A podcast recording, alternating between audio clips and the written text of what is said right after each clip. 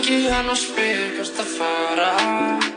Nóttin er svo vil, getur verið saman Þar er ekki að vera ég sjálfi fyrir framann hana Rúla mér einan og við byrjum að tala saman.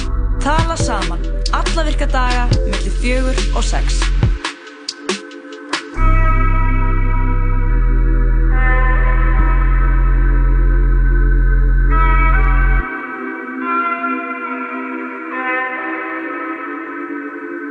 Tala saman hér í sítiðinu á uh, útarfundur klukkan tvær myndir yfir fjör Hún er fjör. hún er fjör Við erum hérna með þér Jói, Lóa. Við erum, við erum tvö í dag. við erum tvö í dag Fáum til okkar tvo gesti, tvo Mhm. góða gesti. Það er kanonur ef að það, svo mætti árið komast. já, þetta eru slækjugestir Já, ég hlaka til að, að bjóða þá enga inn í stúdióið. Við ætlum annars bara að kíkja hans á fréttir, Mhm. rappa, Mhm. spila tónlist. jú, jú, Fyrst og fremst bara vera hérna með þér, kæri hlustandi. já, svo við kannski kynnum gestina þá er þetta það er uh, Grínistanir og höfundanir Bergur Eppi kemur til okkar og segir frá bókinni sinni Skjáskott sem er nýkoman út Ég hef mitt gluggað í hana senstu fyrst dag. ok, nice Lofaði góðu. Um, Hulge Dagsson, hann verður hérna, hann er að flytja landi brott. Hann uh, hyggst á flutninga til Berlínar, Mhm. um, þeirrar góðu borgar í Þýskalandi. Já. þar sem hann ætlar að hefja nýja kapla í sínu lífi og þess vegna fannst honum kjörið að halda eitt svona loka uppistand já, og kíkja hingað í síðan þess að tala saman og tala saman við okkur. já, Já, þeir verða ferskir mikið um uppistandar í dag. Ég meina, við Jói verum bæði með uppistand í kvöld. jú, jú, það er upplýsandi kvöld Uh, eins og ekki saði maður er svona maður er svona alltaf í ákveðnum gýr svona á deginum sem að uppistandi er og maður er að hugsa, verði ég fundina eftir eða Mhm. mun ég niðurlega sjálf á mig ofinberlega Já, þetta er svona fyrsta skipti sem ég uh, ég er náttúrulega ekki mjög uppfyrstandi, ég er að kynna en þú veist maður það er samt smá svona pressa að maður sé fyndin já, það er rétt.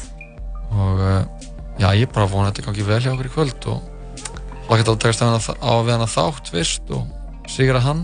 Sigra þáttinn, svo sigra þjóðleikurskjallaran ég bara byrja þetta einu góða lægi Þetta eru vinninir uh, Lil Binni og Brynjar.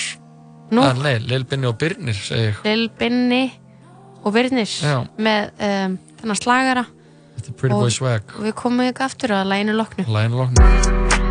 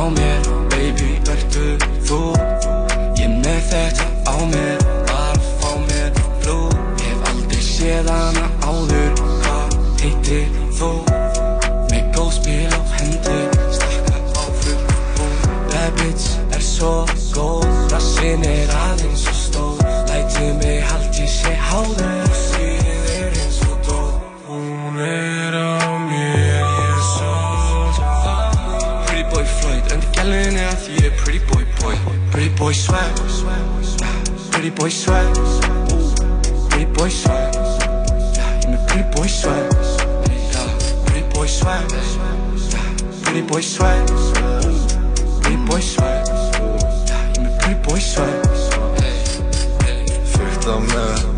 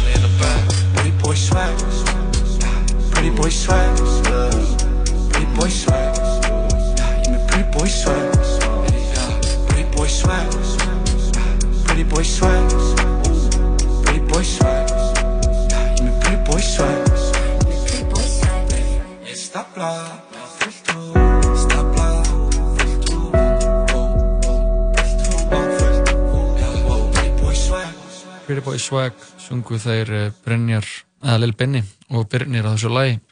Flutinu Moodboard sem kom út svona fyrir sumar. Algjört mút um, hvað segir þau? ég bara tek undir það. Er það ekki? Jú, mikið mút mikið mút um, hvað heldur að á þeirra hefur verið að gera á þessu sinni? fjármálaráðara Já, uh, það er hann Bjarni Ben. já, já, ég glemmi að hann sé fjármálaráðara ég veit ekki hvað hann var að gera. Hann var að, hann var að þetta er svona ein, ein umrætt frétt svona þessu stundina. Já, hann var að gera endilega. Facebook status ok, hann var að kvarta yfir háu verðlegi á bjór. Já, ok. Svolítið skoplegt. Já, hvað er hann að kaupa bjór? uh, sko hann, hann, hvar var, kaupir Bjarni Ben bjór? hann var sem sagt er bara í ríkið? Nei, sko, hann var á, á Sjallaballi um helgina. Hilton Reykjavík Nordica hótela hótelið, Einmitt. segi ég það fekk Bjarni sér stóran túbor klassika dælu á barnum, hann Mhm. skrifar. Nú er beinví hérna, tilvitun hefst. Hann kostar í átífafær með smásölu álagningunni 379 krónur samkvæmt vefsíðinni sami bjór á krana kostaði 1400 krónur á hótelinu. Það er 370% yfir smásölu verði átífafær konu sem afgreiti mig samsyndi um að þetta veri hátt verð en taldi þó það ekki hæsta í borginni og já hann er, að, var, hann er svona að velta fyrir sér. Er þetta alltaf Hvað eitthvað svona þetta? sjálfstæðismanna trikk að vera alltaf að tala um áfengi og svona, hvað er dýrst og hvað er þetta að kaupa? Ég veit það ekki Mér finnst sko. að þetta vera bara erfiðara fyrir sjálfstæðisfólk að kaupa áfengi. Mér finnst bara helst að þau ætti ekki að fá að kaupa áfengi. Já, bara gerum alla sjálfstæðismenn edrú. Já, og bara banna áfengi. Banna áfengi og umræður um áfengi. Já, og bara hætta að ræða um uh, myndur þú nenn að vera að vera að vinna á bar fyrir svona segjum 1800 á tíman. Kvöldvinna. Mm, í hérna Hilton skirtunni svona svört búið að sauma í hana eitthvað svona. Nordica eða Hilton eða eitthvað svona. svunda Já, um, þetta er tíundu klukkutímiðin á vaktinni. Já, Eithor Arnalds er búin að vera að syngja Killing in the Name of í bara þrjá tíma. þú ert þreytur í fótunum. Mm þreytt í þessu tilfelli stelpa. Bjarni Ben kemur. Já, eins og hann hafi ekki farið á bar í tíu ár já. út af því að hún finnst hann knúin til þess að vara kvartið í verðlæginu við þig. Mm 1400 krónur fyrir Tuborg Classic og þú ert bara ekki þetta spjall aftur og ekki við Bjarnabi Já, og hvað á hún að segja? Segja, herri, ég hendaði fjármálar á þeirra afslætti. Já, þú farið afslátt. Fara hann á happy hour drullaði þeir í burtu svona hefði uh, verið best að þetta hefði farið einhvern veginn svona. Já, en í staðinn þá þurftum að segja já, hann er nú dýrari sumstaðar. En hann er dýrir, hann er dýrir sem starar Bjarni, Bjarni Ben að varpa fram svona pælingum sko um uh, uh, verðlag í Reykjavík og eitthvað svona. Þetta er svona lítil uh, hugveikja eftir Já. hann sem er þetta nálgast inn á læksíðin hans, Bjarni Benediktsson 5, Um mitt, bjórin er dýr og Túborg Classic hún er nær að vera að drekka. Versta bjór sögunar Herru, kom aftur þetta smástund með uh, Bergabba, og Grínistan Bergabba, hann sestur hérna fram og hann bjóða mér velkomin í hljóðverið. En fyrst er það Gunna og Young Thug, lægið Hot. Everything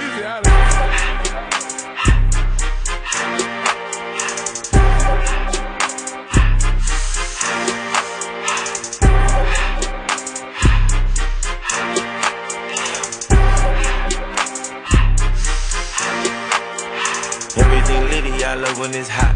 Turned to the city, I broke all the notch. Got some more millies, I keep me a knot. I created history, it made me a lot.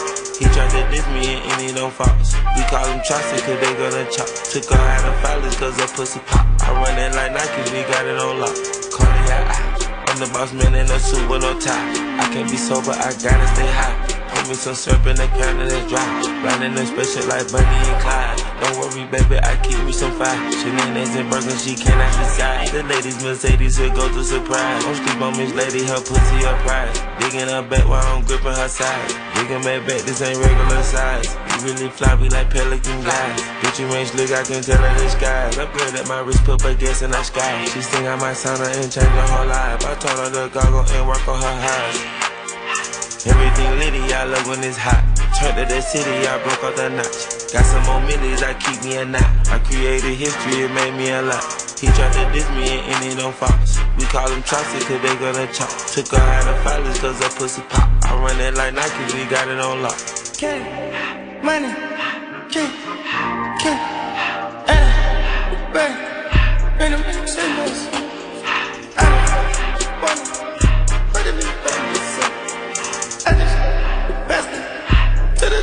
door like? I took the Billy Cool back then I hopped in the car. I put this bitch in the front of the Billy in front of the driver. And man, the shit that weed, it can't smoke in the road. Right, wow, wow. I'm still never cut up, I'm drinking, I shoot up the tires. Huh? I'm in the coupe by myself. I had that kicker though when I was fast. Key the was on the shelf. Posters around in the fan. I'm sick and tired of the young niggas act like they fine and telling them lies. Acting like they the one created this and they get all this drip from that guy. Yeah, Cartier eyes, Cartier Cartier ass the watch. Cartier look, Cartier the that. Cartier spent buffalo on the side. Prison cut diamonds, they Cartier, yeah. Cartier bad for the Cartier that. Sky ring look cool with 200 the dash. Cartier jeans, ain't no way I can say. Ain't no way I'm ever gonna go out. Man, I can't go out, no way I'm gonna go out. I just grip on her ass and I show her I sit like a chef and I wait on her whole lot. I just whip up a new Chanel panic, I whip it the bricks and I don't break the door. Turn the whole top floor to a whole house. Hundred racks and one, two about to flood out.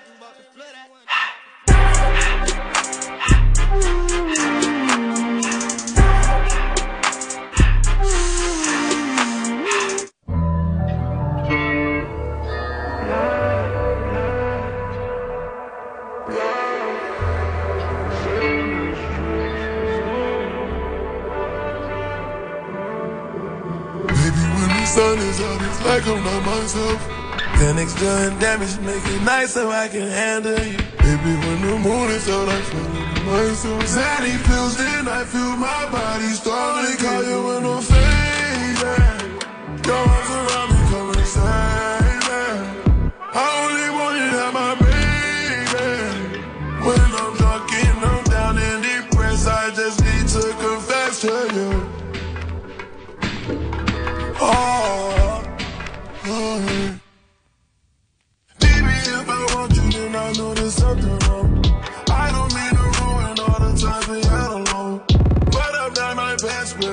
I'm so depressed with you. But it's so hard, I don't think I can exist without you. I only got you in a fade, yeah. Your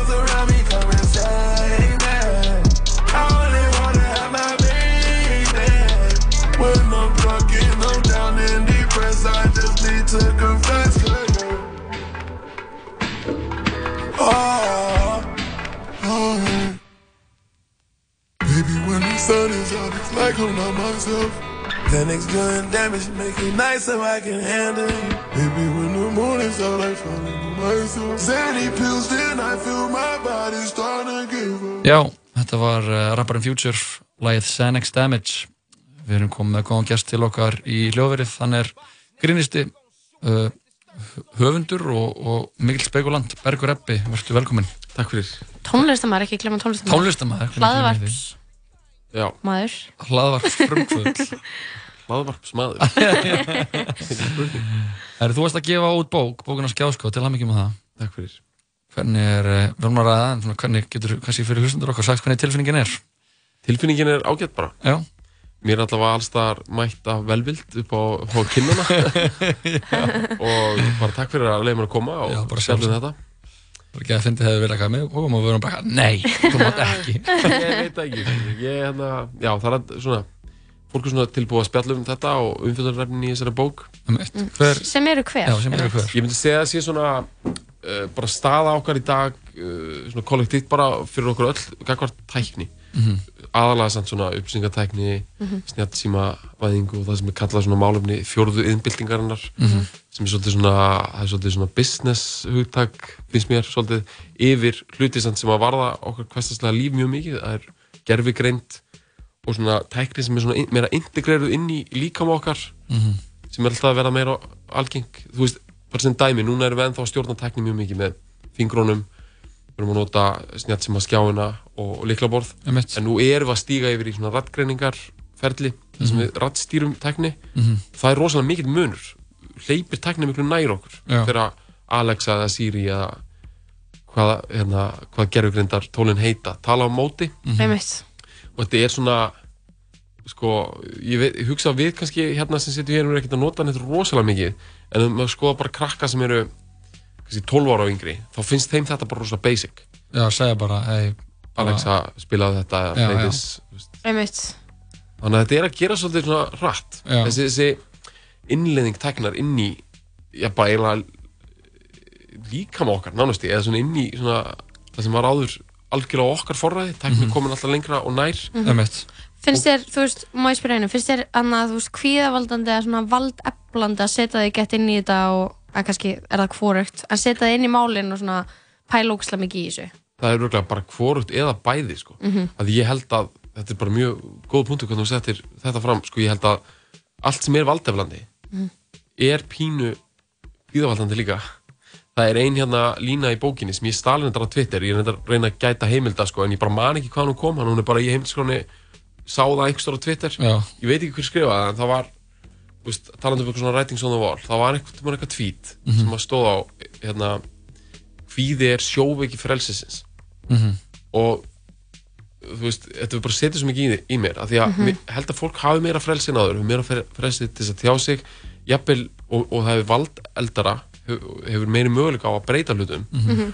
og það fylgir í svona smá eftirköst sem eru svona, vá, ég, bara eitt tvít frá mér eða eitthvað eitt sem maður gerir getur haft svo mikið svona dómin og áhrif á hluti og þetta er góð tilfinning Mhm. góð tilfinning fyrir jaðarhópa sem hafa ekki haft rödd áður að geta allt í hennu um, umbylt og breytt hlutum en að samanskapi getur það líka valdið svona smá tögatitringi Mhm. hjá öllum sko. Algjörlega. Er þetta ekki Kierkegaard quote? Anxiety is the dissonance of freedom. Það held ég. Já, ég skil, ok, þetta er, Já, þetta er bara einhver svona þýðing á því. þetta er einhvers konar já, Já. útfærsla á því Geggjað. Þannig að það er- þú veist að blanda bara svona pælingum og þú veist tala um á hann að þetta væri ritgerð en svona innblásin. Já. Hva, hvað er það? það er svona æ, bara munurinn á, á hérna uh, kannski akademiskri ritgerða sem þú þátt að geta heimilda og þú veist, þú fara í rauninni eftir þeim kenningum sem hafa verið setta fram áður nákvæmlega af einhverjum fræðimönnum uh, versus að geta svona bara uh, fara svona meira í, í kjarnan á hlutunum og þurfa ekki að hérna, byggja endilega á ykkur sem að var verið að skrifa um fyrir tveimur árum í þessu, bara Mhm. að reyna að vera í sína eigin uh, rannsókn. Mhm. svona frum, frumrannsókn eða morðað þannig. Hvernig, hvernig er svona rannsóknarvinna þín f- fyrir þessa bók? Veist, ég veit ekki, en maður er ekki alltaf bara eitthvað að lesa eitthvað og rannsækja eitthvað, en maður er ekki alltaf bara að einhvern veginn fara hérna, í gegnum einhverjar greinar og eitthvað og svo sapnast þetta upp og, og bara hausin á manni fyllist og maður þarf einhvern veginn að koma sér út? Jú, ég held að fara örgulega þeirra afstöðunum hans eða skilur stundu getur maður að vera á Instagram í klukkutíma í rannsók eða þú veist rannsóknarlegum grei eða bara til þess að drepa tíman sko, ég held að þetta sé nefnilega um leiðum maður bara einhvern veginn býr til einhverja afstöðu með það að núna er bara núna langar maður að vita svarið við einhverju ákunnu maður langar að, þá byrjar alls konar hluti sem var áður dagrasteyting eða var bara einhver, einhver, hérna uh, já, í rauninni bara ekki neitt Mhm. þá byrjar það alltaf að hafa einhverja merkingu og þetta getur náttúrulega enda á því að maður getur orðið bara kól klikkaður Mhm. þegar maður Já. er byrjað að sjá svona einhverja saka merkingu og pælingar í öllu Aha. og maður þarf að draga línu einhverstaðar en hérna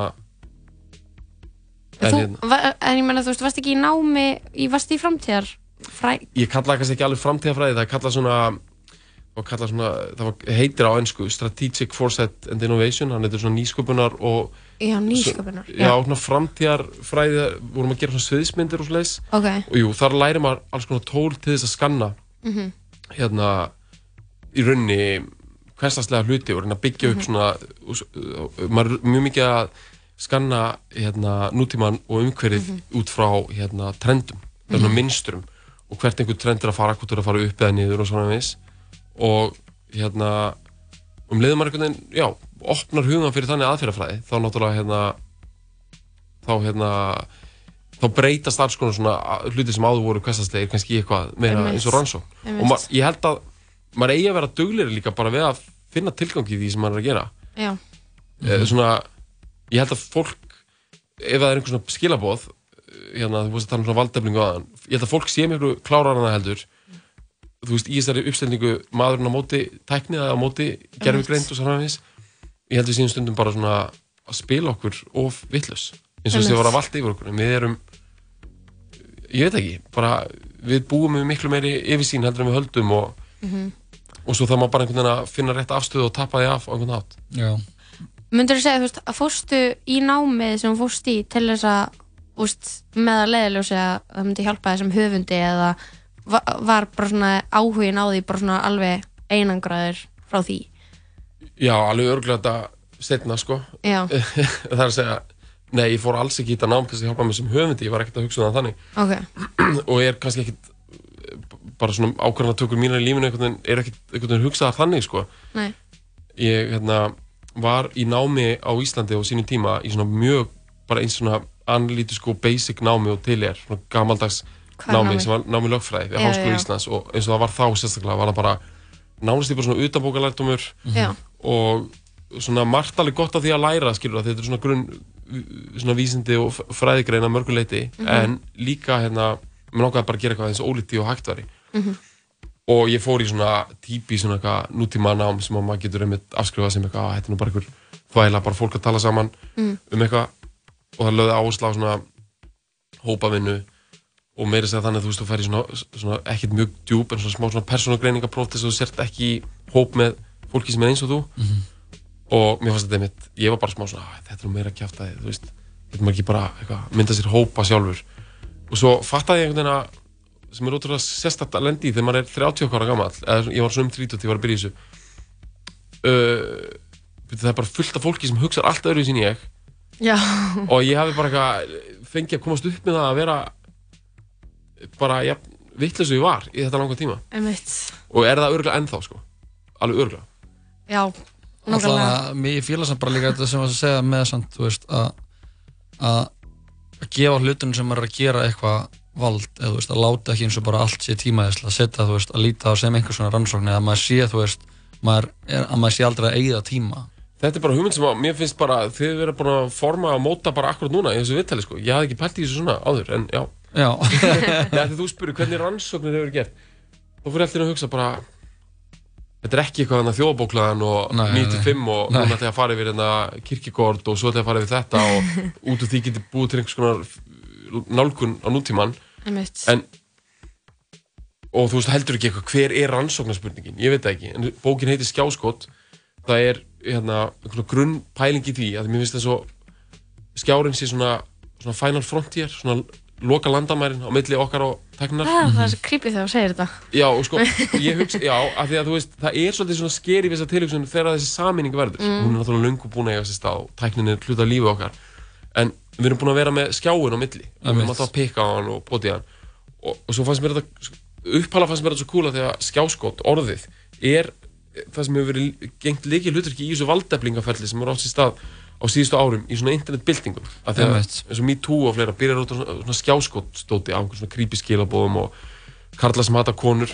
Mhm. var hérna mappa á skjáskotum sem Hildur Leilinda var með. Og þegar maður sér orðið skjáskot í einhverju frétt á netmili þá er alltaf eitthvað svona afhjúpun Mhm. eitthvað, skjáskot er útrá svona gildislega orð, bara útrá svona cool orð finnst mér, Mhm. mér finnst það að vera svona power to the people orð. Og þannig byrjaði ég að nálgast þetta. Bara við erum einhvern veginn að nota tæknina með skjáskotum Mhm. þú veist, á, svo allt í henni fór ég að hugsa veist, þetta getur verið margraðar orð. Þetta er líka kannski svona tæknin að skjóta okkur. Og skjáskotið sem ég er að hugsa um þannig er kannski meira svona eitthvað symbolist conceptual dot sko að við erum svo, þú veist, við tökum upp síman og við veitum ekki hvað býður okkar Mhm. hverjum degi, einhver skilaboð eitthvað bara, vera að tala um hann einhver staðar eitthvað komið í gang Mhm. að, þú veist það sem ég segi í bókinni að er að líka sko símanum við bíla að því að bílar eru bara ótrú stór hluti af líf okkar og er bara 100 ára gömul uppfinning sem komin í líf okkar allt í einu munurinn á bílum og snjáttsíma og það er margislega munur einn ein munur sem er svona áhugaverður er að fólk deyri í bílum það hefur verið bílstist alveg frá það bílar komið fyrst. Og það verða bara, þú veist, við vitum að það er svona collateral damage við það að nota bíla og flesta tækni. Einmitt. að hún er þannig, hún bara drepur fólk. Og það er ekkert úr samingi við það. Það er bara, ef einhver deyri í bílstisti þá bara, það er bara dáin. Það er bara, það er bara haldið Já, bara slút bara. þetta er bara slút og bílslis eru svona þú veist þessi skugga hlið og maður sér bíl og hann er úrst flottur og hann er auglýstur og eitthvað svona voða sexy og allt sett fram. Svo veist alltaf að þessari hlið. Og allir þekkja einhvern eða þekkja einhvern sem þekkja einhvern sem að hefur dáið í bílslisi þetta er bara í kringum okkur og hefur alltaf verið Mhm. og náttúrulega mjög morbid mál að tala um og kannski óþar að vera eitthvað eitthvað að tala meira um það þannig nema mér finnst með snjáttsíma væri ekki bara sangjandana ef þeir væri bara væri bara að drepa okkur örugglega. bara til að minna á hvað þetta er ógeðslega valda mikið og stór tök á líf okkar Einmitt. að maður myndi bara taka símanu upp einhvern veginn um miðanótt og maður væri eitthvað bara að lesa eitthvað eða taka þátt í diskussjónum hvort að fasana veiðar séu stiðfyrirslega réttlætanegar Mhm. eða eitthvað og maður myndi bara fá bara skott það er pyrrandi af síma að ringja akkurat með henni Já, já, bara hvað símur þetta? Þannig að, já, maður er bara skotin í andlitið. það myndi bara skjóta mann já, Kannski getur líka verið eitthvað svona, þú mátt einu sinni drepa eitthvað, skilur, já, í reyfirildi á netinu. Þú hefur svona eitt skot, skilur. Já, hefur eitt þannig að Þá máttu vera svona, næ, þessi gdung, alveg skilur. Já, slút, já. Ekki bara svona sífælt ekki, ekki cancela hann fimm sinnum og, og hann poppar alltaf aftur upp. einmitt, það sem vantar svo mikið er þú veist, það er ekki neitt nóg afgjörandi í, í þessum kultúr. Þú veist, það er ekki neitt svona þú veist, skilur, það vantar samengi til þess að skilur við, einmitt, teflum frekar djart Mhm. og setjum, leggjum mikið undir. En svo einhvern veginn, breytið það einhver já, eða svona milst einhvern veginn alltaf einhvern veginn Já, áfram. það gera það sko. Í þannig að mér finnst stundum menning sem að fylgir þessu vera svona smá breytir hlutum í dofa. Já, einmitt Já. Og svona kemur einhver svona deyfði við hlutina. Mm Herru, ég var neglið eitt lag. Hlustum á lag. Fáum eitt lag og höldum síðan áfram að spjalla Bergabba. Þetta er rapparinn Krabba Main og lagið heitir Tule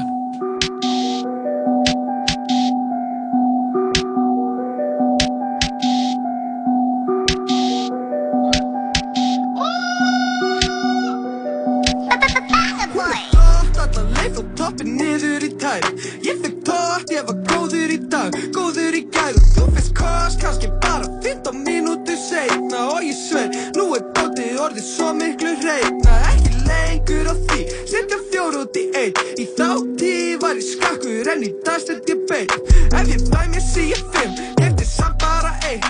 Þetta er bara til sölu, ég ger þér ekki neitt. Ringa í mig, ringa í mig, ringa í mig. Er á þessum rauða, hoppaðu bara upp í bílinn Segist þurfa að koma að kaupa mikið fyrir lítið. Fengur ágætlega núna og það er rosa skrítið, wow. Ekki spyrja, fengur bói hann er með bítið Og ef að ég sé löggur þá fyrir ég í burt í flýti Menni ekki heim eftir sama þótt í kíki. Því ég er með jóla og þú veist ég kann og snipi, wow hvað ert að segja, strákur? Hefur ekki hugmynd. Ég vil bara skart í kaffi, geimi tennur undir gulli Gæla þín, koma bara því ég spurði hvað er uppi Og þegar ég fekk svar sagðist hún vilja vera undir svo. Hvað ert að segja, strákur? Hefur ekki hugmynd. Ég vil bara skart í kaffi, geimi tennur undir gulli Gæla þín, koma bara því ég spurði hvað er uppi Og þegar ég fekk svar sagðist hún vera undir Ekki lengur á því, hlaupa frá 5 og 0 Í þá tíð var ég heitur en í dag er ég cool. Þetta gengur út hætti svo ég vinni í búð. Ert eitthvað heimskur á því, setur 5 út í 0 Gjalla þín, hún vill fá það en hún vill líka cool. Seti hana saman þótt þú sé á motherfucking tour Þú veist að píkan er fess, smókurinn er súr Og hún vill drekka þetta hreint, ég blanda alltaf í djús. Er svo motherfucking brótt er rætt að henda mér út Og löggan hún vill góma mig, henda mér inn í búr Ekki sérst þeir haldi mér þar inni, mun sleppa út Og ég það nýtt para klefum til þess að sleppa úr. Ég segi fuck þetta shit, segi fuck þessa bitch. Sama þótt ég endi eitt og er það fuck þetta lið Náðu líka bláa pilli síðan pop þessa bitch Gæla þín vill ekki ríða strax og potta mig fyrst. Svo hvað ert að segja strákur? Hefur ekki hugmynd. Ég vil bara skart í katti geimi tennur undir gulli Gæla þín koma bara því. Ég spurði hvað er uppi. Og Þegar ég fekk svasa listum vilja vera úti svo að segja Strákur? Hefur ekki hugmynd. Ég við bara skallt í kjátt í geimi Tennur undir gulli á því Koma bara því. Ég spurði hvað er uppi þegar ég fekk svar Saðist hún vilja vera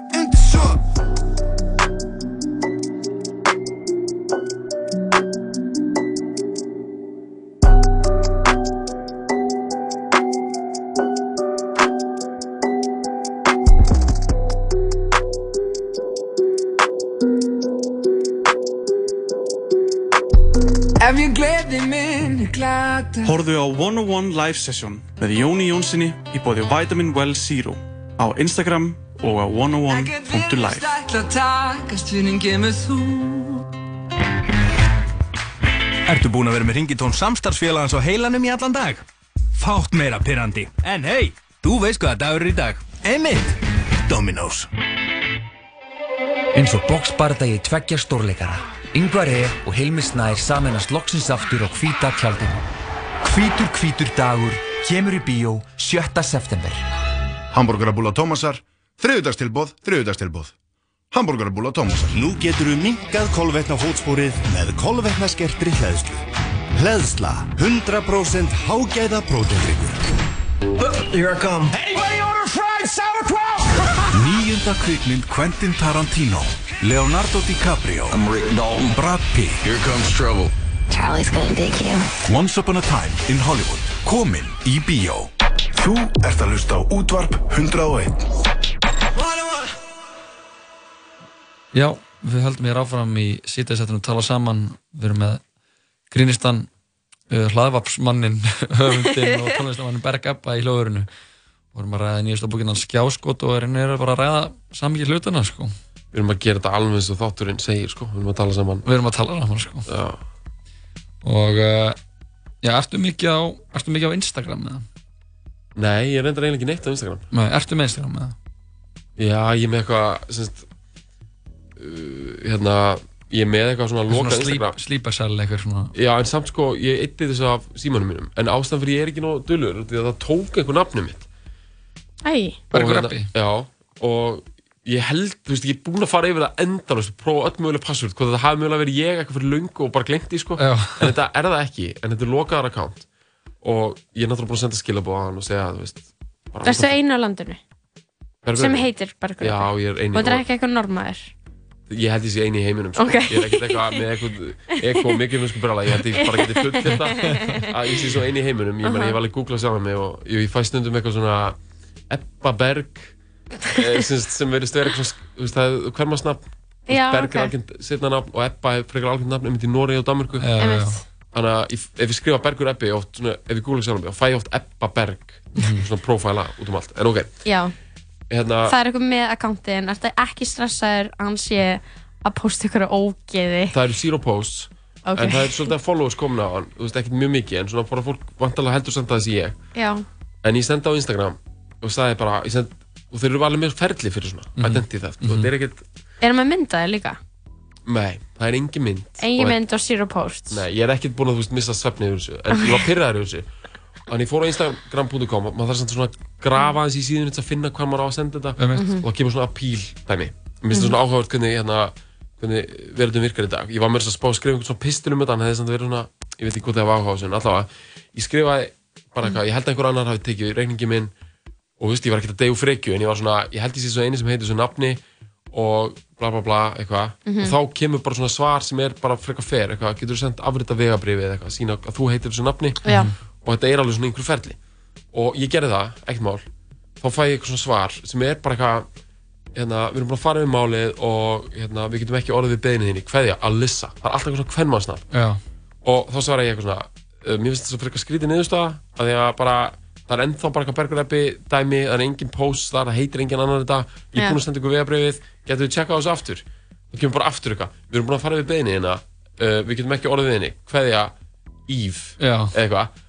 Og svo prófaði ég bara upp á djókið að halda áfram að senda eitthvað svona. Mhm. já ok, hérna, er mögulega að geta tjekk og ég fæ alltaf Nýtt nafn. stu- Já, alltaf nýtt nafn Þannig að þetta er eitthvað bot sem er að svara mér Þetta er bot, veistu viss? Þetta er bot, já. Já, Þetta ég er meina, bot. en það sem ég er svo áhugavert er að kúltur það Hver fyrir þá yfir þetta? Hvaða manneska? Skilur, er það að segja mér að setja á okkur textagreining eða skilur sem er eitthvað Já, það er alveg mannesku líka sko En fyrir eitthvað svona basic dæmi og menn ég er ekki komið með eitthvað lögmann í málið og eitthvað svona Já, Þá er já. bara bot sem sjá um það Já. En það sem er svo áhugavert en að kúltur Er þetta computer says no Það er alltaf sett svona kvenmannsnafn undir Eitthvað svona stutt Alyssa Lóa. Eve, Já, Lóa Lóa. Lóa I checked I checked out your uh, inquiry We cannot meet your demands Regards, Lóa Og þá var þetta eitthvað svona, að það var eitthvað svona sett stelpa sem fór yfir Mhm, þetta og svo líður mhm. svona, þetta sé svona passíft og, Mhm. og ég held að þetta sé, það er mér sem búið þetta, búið að skrifa einhverju reitgerir um eitthvað, hvernig svona bots og gerfigrind og fleira, þú veist, gefið eitthvað svona female, feminine touch Já, já, já. og það er verið að svona setja það í samingi við það að konur séu meir í þjónustu hlutverki og sé svona minna stuðandi og svona Já. en það sem er svo pyrrandi við þetta alveg því hvort maður að þetta ærir fólk miklu meira heldur en manneski á hold og blóði segir bara við þig, ég skoða þetta og þetta er bara erfitt mál og getur ekki bara heitið The Real Berger Ebbi og bara glemt þessu, ef einhvern Já, bara hefði sagt mér það, Já, ég vil bara í síma eitthvað og væri ég bara, ok, er það því að fá svona computer says no og þau þykjast þeirra manneskjur? Mhm. þá trillist Það- maður, ég held að þetta sé að trilla okkur mannfólki, þessi samskipti við tækna, ég er Mhm. aðeins að fjalla um það í bókin líka. Ok. Ég, sko, ég, á, ég á mjög góð, góða reynslu af svona botarsamskiptum sko. Mhm. Ég er með þjónustu sem þetta VPN Express. Já. og það er svona, þannig geti sagt að tölunum ég sé í útlöndum. Og þannig geti hort á Hulu og HBO og eitthvað svona. Og það er bara geggjað góð botta þjónusta, ég er bara alltaf opna spjall og bara sagt, heyrðu, ég er í vandræði með þetta hérna, það er bara, já, er ekki með að prófa þetta? Bara, nei, ekki með að prófa það, er ég að prófa það og það virkaði ekki, já, er með að prófa þetta? Og bara, svona, það, þau geta leist bara allt. Pæli í þessu. Það svo... geta leist alls svona tæknilega út. Þau geta það sko, en síðan kannski þegar maður er komin í aðeins svona meira tilfinningarlevel þá verður þetta erfitt sko. flóknara sko. Ég og Lóa vorum bæði að dílita Instagram og símanum okkar núna í vikunni sko. Já, við Ég- smá ég- svona- Ég get þetta ekki, sko. þetta er svona love-hate samband sko. Þetta er stundum er þetta bara heit, sko. ég las einhvers þar að Instagram væri sá samfélagsmið sem væri svona hvað mest að vekja upp erfiðu Hann er mest ekki Af það, sko. öllum, sko. Líka út af því að þú veist, þetta er... Maður hefur ekki stjórn á þessu út af því að þú veist, þú getur farið inn með ógæslega góðan ásetning en það er bara, bara eitthvað sálfræðingur búinn að hanna hann til þess að vekja upp fíkn, fíkn hjá þér. Þannig að þú veist, það er enginn sem hefur stjórn á það í rauninni, skilur í rauninni ætti enginn að vera á Instagram. Nei. Það er enginn nema þú sést bara eitthvað jóka gúrú, skilur út af því að það kemur bara eitthvað svona blikkandi dæmi sem lætur þig íta að þú veist, og bara svona festir þig og inn í einhverjum discover algoritma líka Mhm. og eitthvað svona að býða eftir ég meina eins og eitt dæmi sem þau gerðu voru, voru alltaf að halda aftur af lækum þannig að þú fest læk Já. þá bara, Og já það var delay það var svona töf á lækunum. Svo þú sett svona Og já, svo þú sett lengur inn á appinu að þú veist refresha, bara að byrja, wow, er ekkert að koma? Það var bara, þú veist, kannski 30 búin að læka á fyrstu 5 minútonum en það kom inn þrjú. Þetta er alveg eins og einhver svona mús bara að fá sigurskamti sinni í einhverju rannsóknarstofu í einhverju svissneskum þetta er bara lífið okkar. bara, muni bara við ykkur bara að fá skamti, bara heyrðu það er smá delay handa. Hvítar mís bara að æra þetta er lífið manns. En síðan er líka meðist alltaf áhugavert að ég, við erum alltaf, þú veist, ég er 27 ára Lóa, þú veist, 26 og, og þannig að, en, þú veist, ég fæ minn fyrst iPhone bara því ég er uh, tvítur Já, ég líka.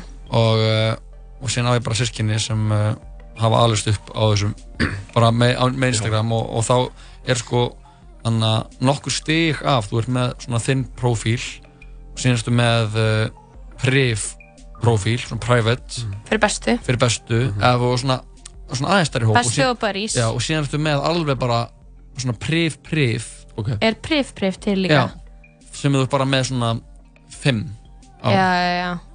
Þannig að- Instakjarnan Insta-kjarnan Ok, ok, þannig að þetta ok. búið til svona þú veist, merkilega þessar svona hýrarkíu sem er að vera til og svona, og svona mismunandi þú veist, við erum alltaf einhvern veginn að búið til ný og nýja mynd af okkur sko. alveg potið, sko, það sem ég held það búið að vera svona mjög af, svona, að ég veit að þið me- menninguna svona í starra samingi mér finnst búið að vera mjög algengt í bara menningu almennt, kannski síðustu jafnvel alveg 10-20 ára, Mhm. svona að fara bak við tjöldin og sína prósess, Mhm. þetta er Mhm. myndlist og leiklist og öllu og bara sem dæmið, þú veist, þú fer í viðtal þá er alltaf sínt að vera að setja á því mækin, skilur, Mhm. þú veist ég er að tala um þennan kultúr, já. alltaf vera svona skilnast bak við tjöldin og það er gert svona behind the scenes mynd um allt Já. gerð behind the scenes mynd og gerð behind the scenes þetta viðtal eru maður bara kameramenn bara. einmitt, bara kameramenn síndir og svo típist eitthvað svona sett á Instagram þegar viðtalið er búið eitthvað svona fullt af snúrum síndar og þetta er svona smá bara stíl í menningun okkar Já. og það er allstaðar vélar, allstaðar að vera í svona fluga á vegg stíl Mhm. ég tók eftir einu og það er hérna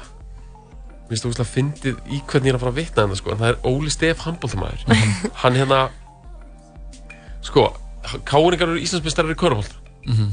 og þetta var sísta vorhaldi þeir hérna og það voru svona myndatökumenn inn í klefan þar sem þeir voru með eitthvað svona kampaðínu og eitthvað. Og Óli Steff var að halda ræðu að hann er stórblóði Jóns Átnós og var með eitthvað svona ræðu. Og hann sagði hérna setningu sem er mjög sko ég veist, ég vil ekki kjartanda alltaf mikið í þessu en hún opnaði augun mín hann sagði eitthvað svona núna þarf ég að halda, segja eitthvað svolítið í hérna þetta er locker room talkið eitthvað svona en að því að fréttinnar eru hérna þá vitum við að þetta er ekki alvöru locker room talkið þannig að við tökum það á eftir Já. og mér fannst þetta að vera svo típist eitthvað svona við höldum að við séum alltaf einhver svona locker room bandir og allt sé eitthvað svona en þú veist, það er ekkert að því og, og þegar klaustursmáli komu upp þá finnst mér svona svo Ú. já, ég Já.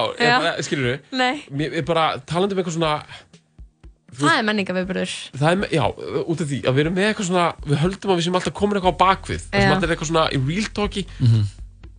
svo bara, nei, byrju, svo er verið að tala svona þarna og það er samt líka, þú veist, skilur, í gegnum náttúrulega En upptökur, við og- viljum ekkert vita þessa hluti, þeir eru ógíslegir. Ég er Við viljum ekkert heyra, lokkur um. Við viljum veist, vera í alvörunni að- lofta scenes. út öðru kóru, skilur þannig að þú veist, í þessu tilfelli, kannski ég held bara að þessi hérna viðburður á það stórum hvarða að þú veist, kannski sprengir hann einhverja, eitthvað, en þú veist, það er ágætt að lofta út öðru kóru, skilur en mér finnst þessi pæling með að eftir því sem við getum deilt meira og við erum með fleiri samfélagsmiðla prófíla Mhm. mér finnst ég bara vita minna um fólk. Mhm, já. eftir því sem ég svona, það deili meira þá verður það leindandónsfittra og það er alltaf eitthvað bara meira á bakvið út af því að þú ert alltaf að hleypa fólk sér nálættir Mhm. og tekur það sem skiptir þig virkilega máli og setur það ennþá lengra inn ennþá dýbra, já og það er bara, er það ekki bara svolítið svona er það ekki bara svolítið góð niðurstaða? Nei, það Nei, er ok. sem ekki Ég held, að þú veist, ég veit ekki, þess að fyndin kynsla minna, sískinni mínu er aðeins eldri en ég og þau bara skilja ekki okkur ég setja allt í Insta story þau Mhm. senda hluti sem þau vilja sína vinum sínum, beint á þá meðan að þú veist, fjölskylda mín veit ekki hvað er Whatsapp en þúsund aðrir sem er að followa með Instagram vita hvað ég fekk mér að borða vita Mhm. hvað ég var klukkan þetta, hvert ég er að fara og, og mína pælingar skilur um meðanótt þannig að þetta er líka þetta er líka gett skrítið þú veist, að ætla bara að sína öllum sem öllum sem þú þekkir ekki neitt. Eitthvað gett persónulegt en fjölskyldunni helst ekki. Mhm. og svo er næsta stið bara, þú veist maður er að sína en að síðan er maður orðin, þú veist farin að vinna við að sína og orðin, þú veist, þessi áhrifavaldur og farin á einhvern veginn að hann að farin að sína var hann að, þú veist, einhvern daginn sem var að sína frá því að hann væri í Kína áhrifavaldur uh, en hann var út á Nesi. Í rættinni í ræktinni. Og það var bara í stóri bara ég er, vá, hvað er aðeinslega hérna í Kína? Eitthvað, okay. en hann var út á Nesi og þetta var svona, við vorum alveg svona við alveg losandi um skilabóð sko, og spurði hvort hann væri í Kína Hvað er þetta orðið svona ógeðslega stúpid eða? Nei, þú veist, það var bara, hann verið bara, þá hafði það bara svo mikið af, að þú veist, hann tekið upp svo mikið efni að hann, hann að, þú þarfst að, að deila þú því yfir á að daga delaya póstinum skilur, Ok. getur, mátt ekki alls, alls ekki pósta allir saman degi skilur, og þú átt helst að láta, eða þú veist, áhrifaldar, þú veist, er í útlöndum í, þú veist, hvað, helmingin af árinu Já, þeir eru alltaf skilur útlöndum. ykkur að ferð, taka, þú veist, þúsundi mynda og, og posta þeim síðan bara, deila þeim yfir árið. Eins og þau séu bara að ferðast, alltaf. Já, ég skil Þannig að eftir svona verða líf er bara svona unattainable þegar þau eru alltaf á leiðinni eða að koma úr flugi. Það er ógst að skrítin tilfinning held ég að því að ég, hérna, ég þekki fólk sem er bara svona bara superríkt eða svona, já, bara það All night. Já, bara ég, já. Og þetta er bara, nei, þetta er ógst að skrítin tilfinning Aha. að þú ert ógst mikið í fríi.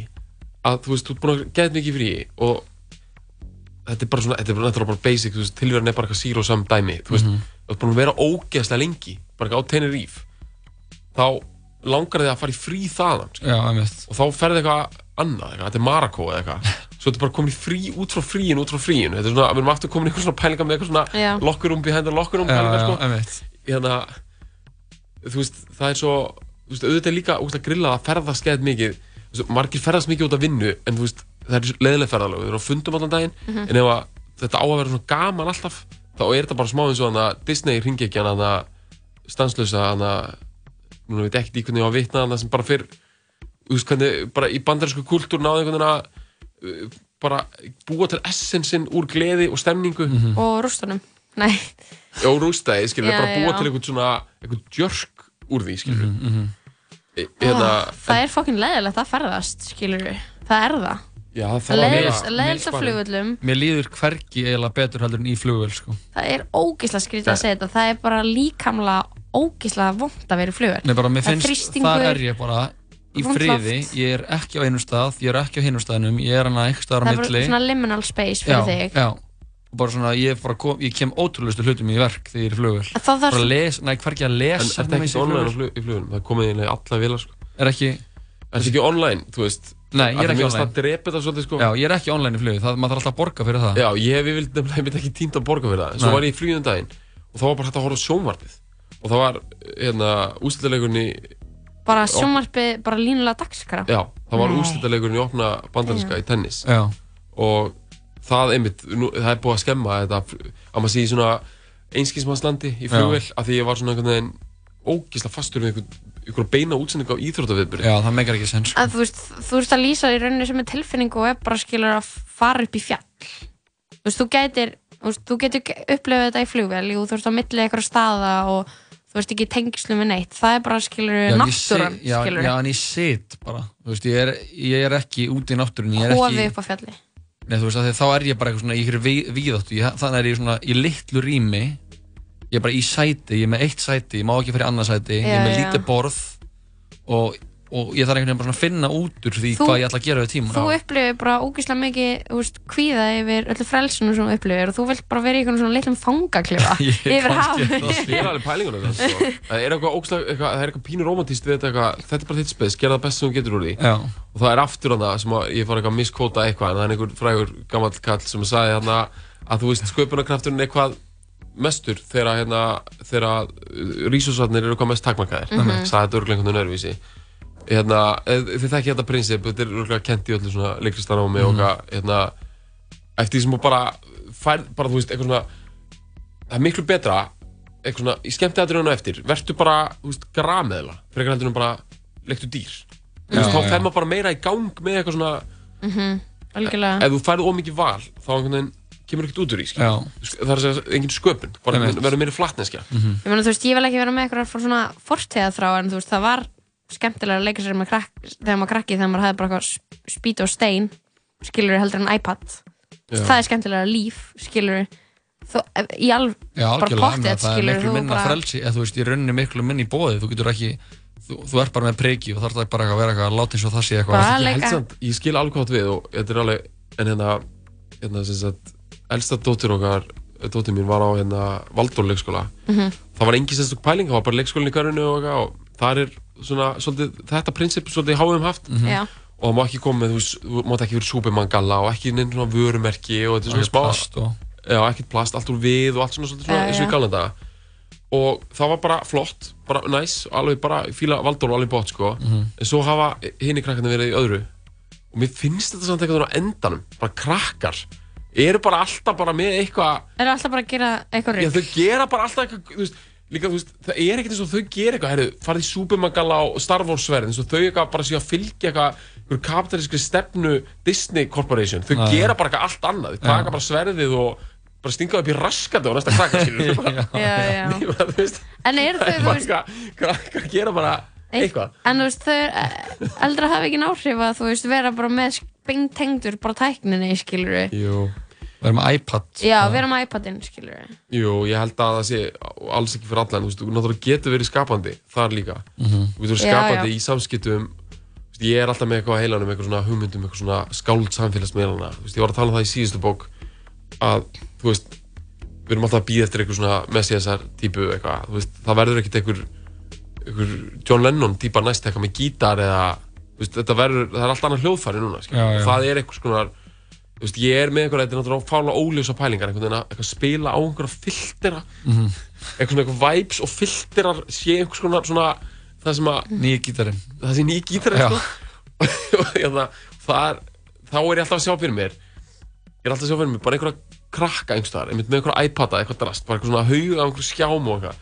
En þau eru samt ekki að gera það sem þeim er sagt að gera. Það er líka eitt af því sem að gerir mér svo fascinerað við þetta hugtak skjáskot. Því Mhm. skjáskot er svona svona hack, þú ert að gera eitthvað með tölvunum sem átt ekki að gera. Mhm. Af því þú veist, Facebook gerir ekki ráð fyrir þú setja skjáskjóta allt dot. Það er Mm. mm. þú ert að overræta forrætti með því og fara beint í stýrikerrisfunksjón.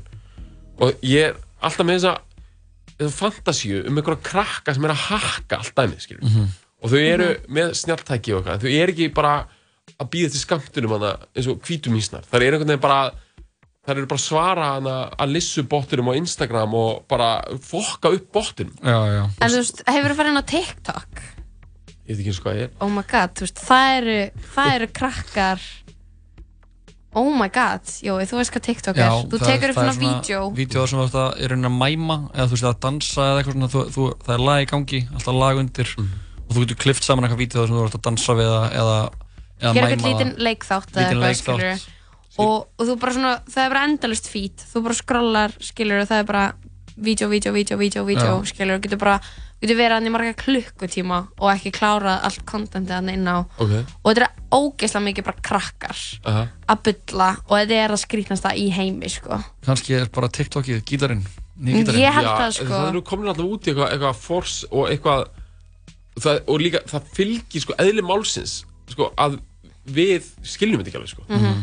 og hérna eins og hérna þú veist fólkið sem var eldri en babyboomerar þú veist án ramaskýttir að komið þau voru bara þú veist þetta er bara lélegt skilur Mhm. þegar þeir heyrðu bara eitthvað Jimi Hendrix og þau voru bara þú veist þetta er bara lélegt það er bara Mhm. búið að taka gítar og breyta eitthvað ramagt þú veist þetta er bara er eitthvað að hérna Já, bara, og íðilegja bara Já, en e, þú veist, ég meina auðvitað er ákveðin vísbendingum að eitthvað sé eitthvað svona svaka kraftmikið og bara miljónir er að gera það Mhm.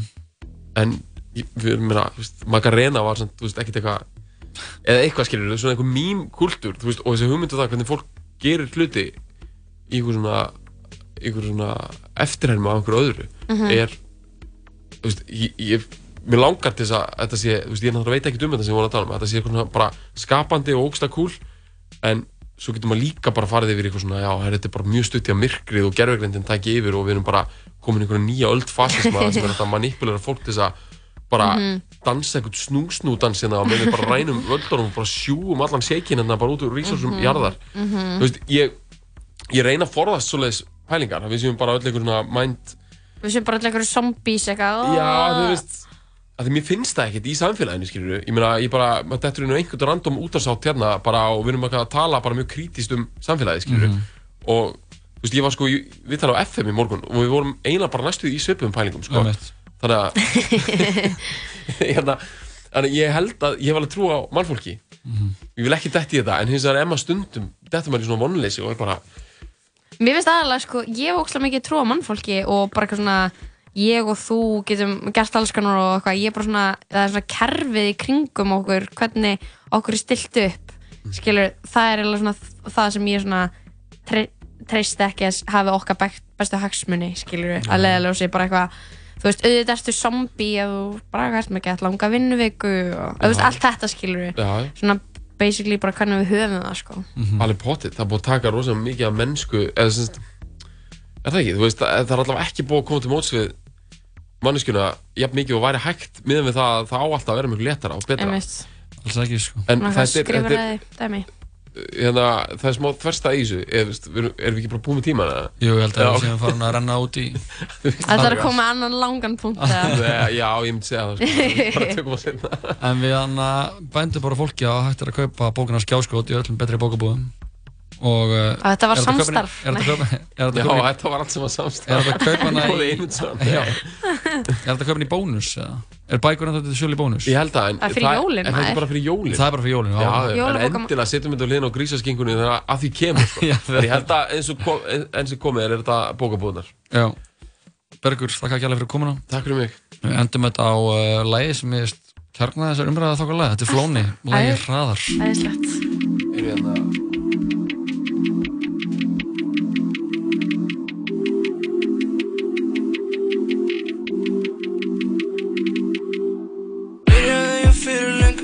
farst á Hafði enga hugmynd um að hvernig þetta væri á Á ég á einu kvöldi myndi þetta breytist dag og allt. Tilbúinn að leggja þig og allan aðeins fram.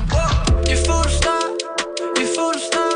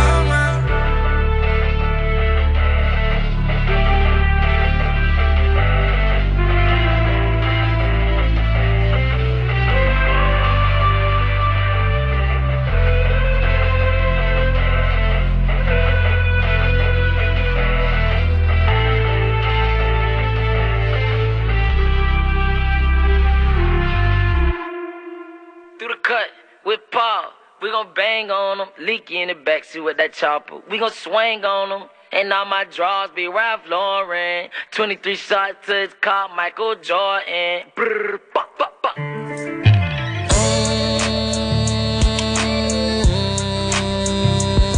Mm, Speeding fast, nigga. Gang, my gang and no gang. Yeah. Tell me what's the problem, we can handle that. Hit a pop and leak you, and I guarantee they cancel that. I guarantee they cancel that. Nigga. Leaky told me if you love your nigga, love him to the fullest. Don't put your trust up in these bitches, put him in the bullets. I told my brother like this, this that life before fame. I could do a hundred years and I still won't change. These other niggas in the streets, they just trying to make a name. He don't want that beef with me, cause I'ma hit him with the flames. Murder on my mind, you must think heard my last song. I was locked up in that cell, reading 23 songs. He ain't about that lifestyle that he putting in the songs. I'm riding for my niggas, I told him that's right or wrong. Ray bands, this shit just don't seem right. All my niggas chase bands, we up and at the green light. Tell me where they been, we gon' slide on them. Hop out on the street and put that fire on them. We gon' ride on them, nigga. We gon' slide on them. Leaky in the backseat and he got that big 4-5 on him. Quit all that flexing, nigga. No, he ain't with it. Catch his ass down bad. I sent one to spit it. Nigga, ABG, anybody can get it. Nigga, ABG, anybody can get it. Yeah, quit all that flexing, nigga. No, he ain't right. Nigga say he in the streets, but I know that he lying. Glock 21, I'ma up 17 times. Glock 21, I'ma up 17 times. Yeah. I made it off my block, I feel like graduated. I just got a pistol for Christmas, but don't get decorated. Never sober, always faded, feeling that I'm overrated. Mama told me just like this, you know you were born to be hated. Instagram thuggin', that's gonna make me pull up. Hollow tips filled to the tip, yeah, my clip full up. Pressure hit, I'ma roll this cush up. 60 gang crippin', I'ma throw that neighborhood up. Yeah, he say he got the bands, well, we got the racks too. 30 in my glizzy, my clip longer than the shack shoe. You exposed cause your bros a rat too. If I swing your avenue, I'ma slide across them tracks too. Tell me where they been, we gon' slide on them. Hop out on this grid and put that fire on them. We gon' ride on them, nigga. We gon' slide on them. Leaky in the backseat and he got that big 4-5 on him. Got all that flex, nigga No, he ain't with it. Catch his ass down bad and I said one of his fitted. Nigga, ABG, anybody can get it. Nigga, ABG, anybody can get it. Yeah, got all that flex, nigga No, he ain't right. Nigga say he in the streets, but I know that he lying. Glock 21, I'ma up 17 times. Glock 21, I'ma up 17 times. Yeah. Yop another bean in the crash out. I'ma sit this lean until it make a nigga pass out. Internet thuggin' ain't gon' do shit but make me spaz out. I could get your gang gang gone if we cash out. My whole campaign strong like a bag of loud. Once that beat on, pussy nigga ain't no backing out. On your street, we gon' creep with that ratchet out. On your street, we gon' creep with that ratchet out. One in the head, leave me dead by the stop sign. Paw by the window with extenders in this Glock 9. High speed chase, running from two different cars. Beefing with two different sides, swinging on two different blocks. Aiming at two different guys, upping with two different glocks. Bitch, I'm upping with two different glocks. Yeah, bitch, I'm upping with two different glocks. Got all that flex, nigga know he ain't with it. Catch his ass down bad and I said one of his fitted. Nigga, ABG, anybody can get it. Nigga, ABG, anybody can get it. Yeah, cop all that flex, nigga know he ain't right. Nigga say he in the streets, but I know that he lying. Glock 21.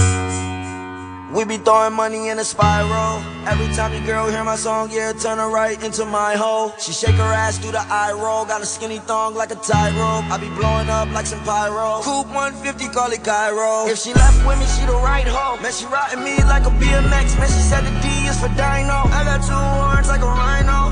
There's no way you could buy a hope, but I brought a mansion with a slide though. Yes, I opened up the slide though, so you can hear it the high note. I like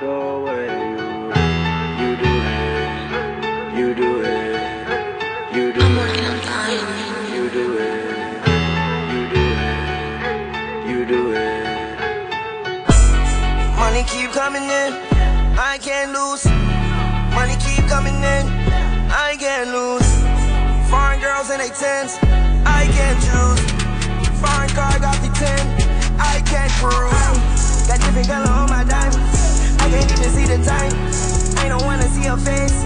I'ma go and get behind. Drop the top on the red. I'ma make it lose its mind. I just made a hundred K. It was quicker than a vine. I was swinging from a vine. Try to pull me down, but I climb.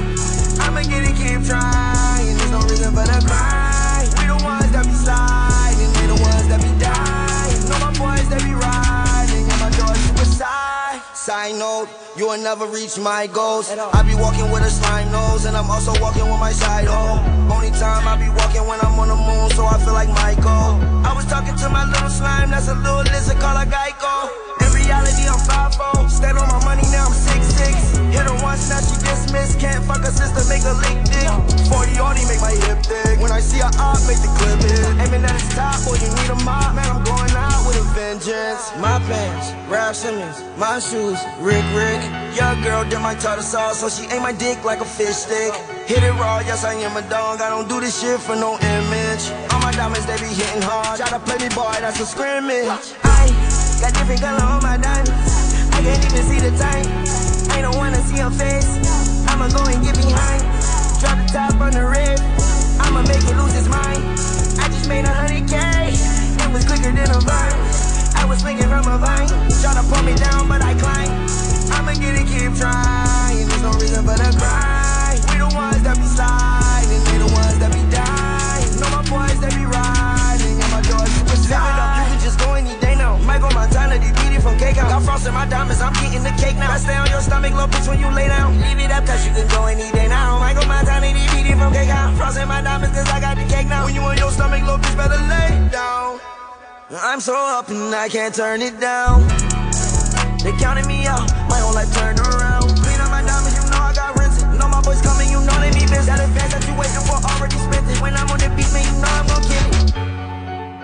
We be throwing money in a spiral. Every time your girl hear my song, yeah, turn her right into my hole. She shake her ass through the eye roll. Got a skinny thong like a tightrope. I be blowing up like some pyro. Coupe 150, call it Cairo. I got different color on my diamonds. I can't even see the time. I don't wanna see her face. I'ma go and get behind. Drop the top on the red. I'ma make it lose his mind. I just made a hundred K. It was quicker than a vine. Was swinging from a vine. Tryna pull me down, but I climb. I'ma get it, keep trying. There's no reason for the grind. We the ones that be sliding, we the ones that be dying. Know my boys that be riding, and my door suicide.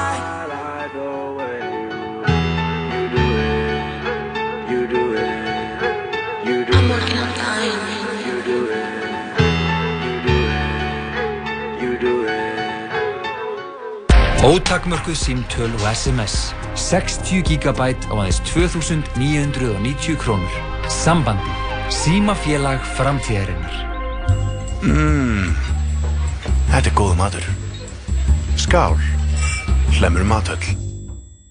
Veistla í magan og gleði í sálina. Serrano.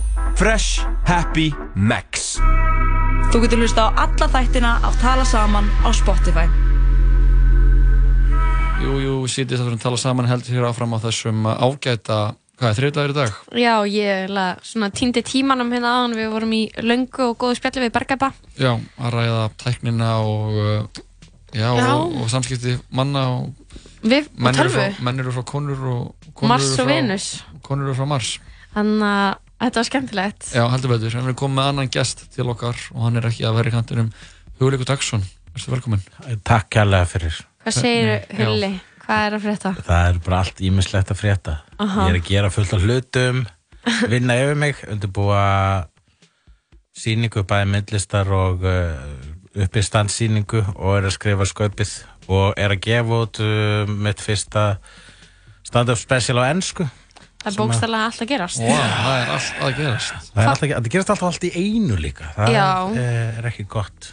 Það er alltaf svona ekkert að gera eða bókstæðlega allt Mm Það kemur í bylgju. Það er rosa gaman þegar það er ekkert að gera samt. Já, það er best. Sko. Þá, þá safnar maður kröftum og færi eitthvað Getur hort að sjónvarpið Mm Og Til það- dæmis það. Það. Þetta er líka sérstaklega í september. Við höfum rætt þetta svona í þessu mánu. Þetta er svona mikill, við erum að tala smá um haustkvíðan sem er svona að krýpa inn. Akkurat. Og, og það er sérstaklega sko út af þessu að maður er ekki, maður er eiginlega svona eins og maður sé undir feldi á sumurinn og síðan kemur september og veginn eru svona, svona hundra hluti sem maður er að gera.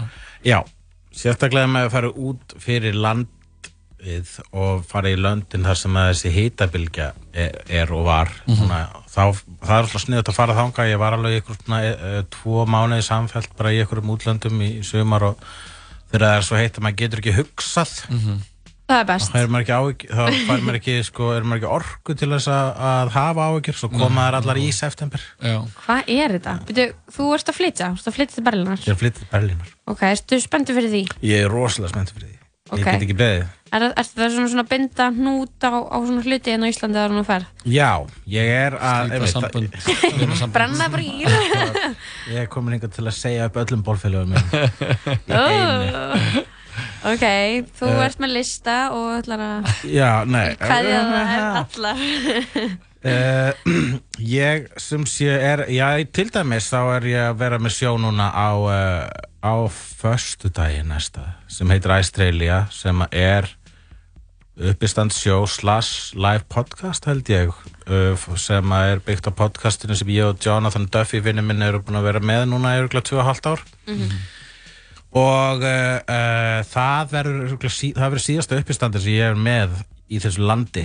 Á þessu landi. Á þessu landi. En nú kemur örugglega aftur. Þangað til ég kem veit aftur, ekkert- Við skulum ekkert fullir Það. í langa, langa tíma, ég er örugglega svona ár ef ekki meira sko. Pældi að þú ferð til Európu og það er óslega heitt og svo myndi allt á Íslandi frjósa Mhm. og þú væri bókstala að, þú veist, þú væri bókstala með uppstand á Íslandi í senasta skipti Það getur gerst, en það er ekki fyrir að gera sko. það er alltaf fara að brenna þarna úti Þannig ég er að fara að sjá meginlandið áður en það stiknar sögum global war- warming og hérna, svo mun ég koma aftur heim rétt áður en að sko, allir aðri byrja að flýja norður það er það sem við vist gera sko, allir, því nær miðbögu sem þú ert í norðar myndu flytjast þegar Ah. Já. það skellur á Það mun vera svolítið gott að búa hérna sko. heimsendir sko, sem búið að spá. Við ætlum yfir í léttra hjal en þetta er ekki þannig þriðdagur Við ætlum að, við ætlum að fara bara í kvíðan og bara glíma við hann.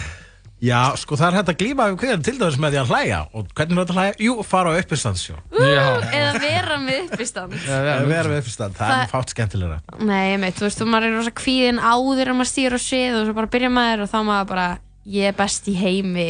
Já, það er, einmitt, það, ég, ég hef áhyggjur ef ég er ekki með kvíða áður en fyrir að svið. Einmitt. Þá fæ ég svona, svona kvíða vegna þess að ég er ekki með kvíða. Og þá nota ég þann kvíða til þess að vera góður, til þess að þú veist hella á adrenalín báli þegar ég fer á sviði sko.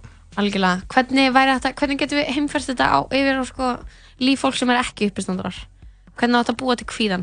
Já, Farðu út á líf fólks sem er ekki með- Miklubraut og Gera- labba- labba bara yfir á þorri fólk. rauðu Það eru mjög fáir sem eru uppistandarar Næ, ekki fyrir mér ég, það, ég mæli alltaf með að gera eitthvað sem maður hefur ekki prófað áður að gera eitthvað sem maður er hrættu við. Bara Mhm. alltaf Mhm. taka yes man á þetta. Og, Einmitt. og bara prófa hluti þá Mhm. og prófa að skjóta sig. Já, t- já, akkurat Jói, við erum ekki við erum ekki að gera þetta. Við erum ekki að segja þetta í útdarfunni, sorry prófa að skjóta sem að er. Já, skjóta sem er boga og ör. Já, Mhm. mestalega í fótinn. Það er mjög erfitt að skjóta sjálfa sem er boga og ör. Ekki í fótinn. Svona erum við, við, leys, við búum til vandamál og leysum þau strax í kjölfari maður þarf að, já, ég er alveg samanlega þessu að svona aðeins að stíga út, út fyrir þægindaramman og gera eitthvað sem maður held einhvern tímann að maður myndi aldrei gera Já, ég var allavega áður en ég byrjaði á uppstandi þá var ég búinn að ákveða að ég myndi aldrei fara í uppstand sko bara, þú veist, viku fyrr eða eitthvað. Mhm. Ég var bara, það er ekki fræðilegu möguleik, ég geri sjálfur með þetta, að fara upp á svið Já. og reyna að vera fyndin. Ah, Það er viðbjöður, Það er sko. viðbjóður. Ef það tekst ekki, sko. en, fólk, en fólk nýtur árakstrins þegar, Já. þegar að vel upp gengur Já, já, og ég er náttúrulega, þá veist, ég er, það, ég, ég held að ég hef bombað kannski svona tvísvara hálfusinu á æfinni, sko. Já, og Og- hvað, hvað ertu búin að vera með uppistand í mörg ár? Í uh, tíu ár núna, actually. Vá, Vá, tíu ár hvað varstu gammal þegar þú byrjar? Ok, age reveal uh, ég var 30 og tveggja tveggja, 31 tveggja þegar ég byrjaði Og hvað varstu búin að vera, þú veist, fram að því, skilur Hvað varstu, þú varst þá bara að teikna já, ég var bara að teikna og var uh, búinn að skrifa einhver leikrit og eitthvað svona Mhm. aðeins uh, ó, fokk, það er líka eitt sem ég er að gera skaupið, ég er líka að skrifa skaupið núna ég var búinn að skrifa skaupið þá Já.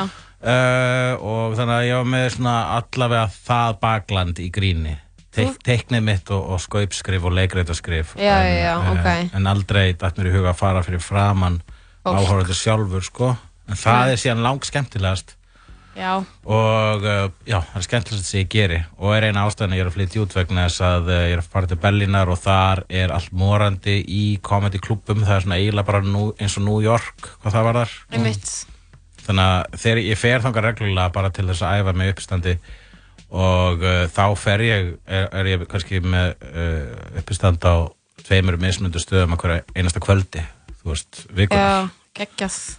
Það er svaka mikið Er það neglið lag? Hlustum á lag, höldum að fram að tala við Hulla Já, og uh, Hulli, þú ætlar að koma, hjálpa okkur að leysa vandamál hlustandi þáttarins Já Það ekki? Góður, að, góður að leysa vandamál, mm. eða ekki?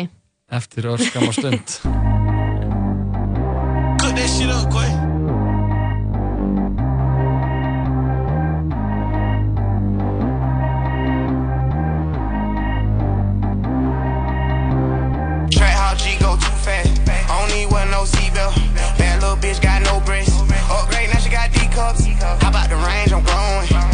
The baby? He gone. Man, these old rappers getting boring. They be taking shots, I ignore them. Send a pet to the hood while I'm touring. Making plays out of town like I'm Jordan. Need to go get your hoe cause she horrid. If I balk on my way, I'ma score it. Lamborghini, I don't want no Porsche. I'm on fire, don't touch me, I'm tortured. Had a fish on my teeth, I went fortunate. Put the time on my back, I'm a horseman. One more year, I'ma make it a Forbes. They load me in the bed like he 40. I be sitting inside of the Moreland. Ain't no strings attached, keeping it cordless. She keep calling, but I keep ignoring it. Ain't no stopping, I'm keeping it foreign.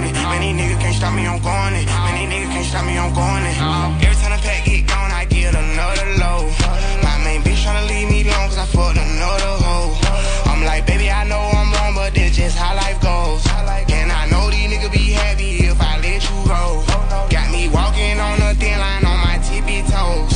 Man, that shit crazy, different city with some different hoes. Here we go. Every time the pack get gone, I get another low.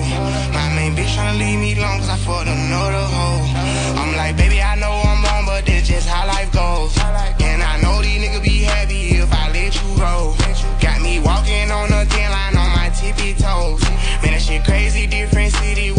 different hoes. Here we go. I spent the whole M on some clothes. Got a bonus, I sold out a show. Gonna hide like a pot on the stove. Yellow AP on all of my hoes. I like when they wet on the toes. Picture me riding around in the rows. I put some ice on my wrist, it was swole. Feeling I kinda lay over with you hoes. All of these drugs in my body, I got pissed. Somebody keep checking my pose. Walk in the club with no warning, take care of the money, they swing on the pole. Water on me like the sunny, I shine when it's sunny, this platinum and rose. Gonna gonna out the street when I go to DC, I'ma fuck with the mo. Every time the pack get gone, I get another low. My main bitch tryna leave me alone cause I fucked another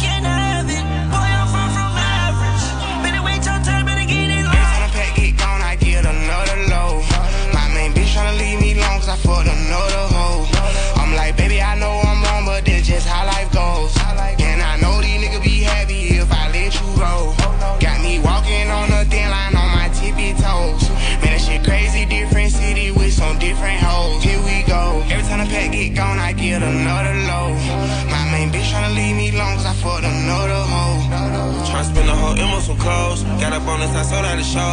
Gonna hot like a pot on the stove. Yellow AP on all of my hoes. I like when they wet on the toes. Picture me riding around in that rose. I put some ice on my wrist, it was swole. Feel like I kinda lay over with you hoes.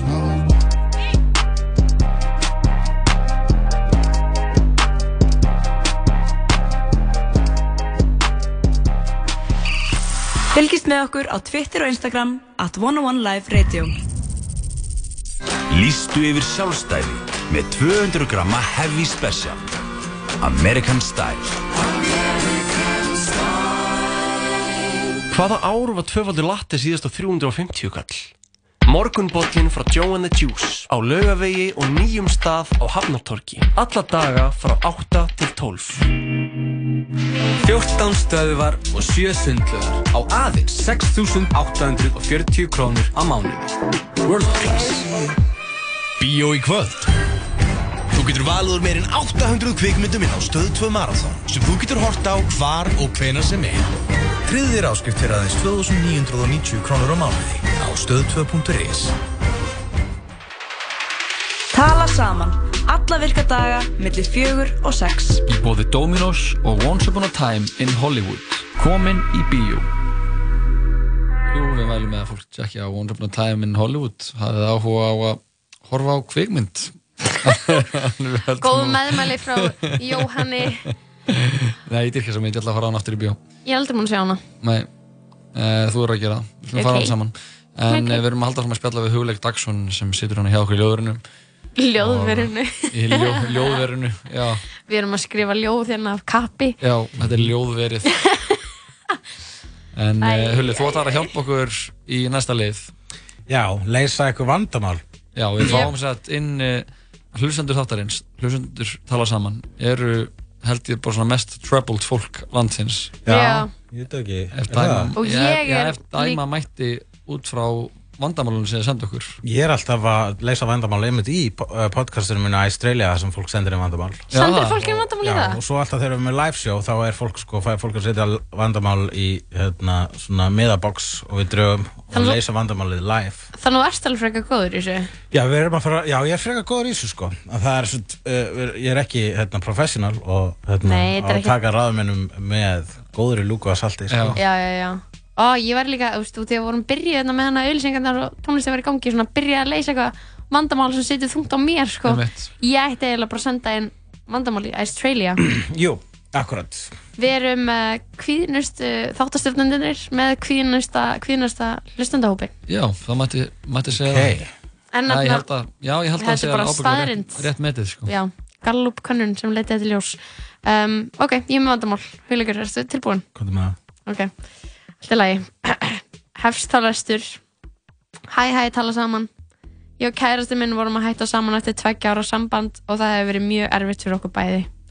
Við höfum bæði verið að díla við það mismunandi hátt en á sama tíma tíma verið að sofa saman aftur. Ég held að myndi mögulega því það myndum byrja saman en svo hefur hann líka verið að hitta aðra stelpur.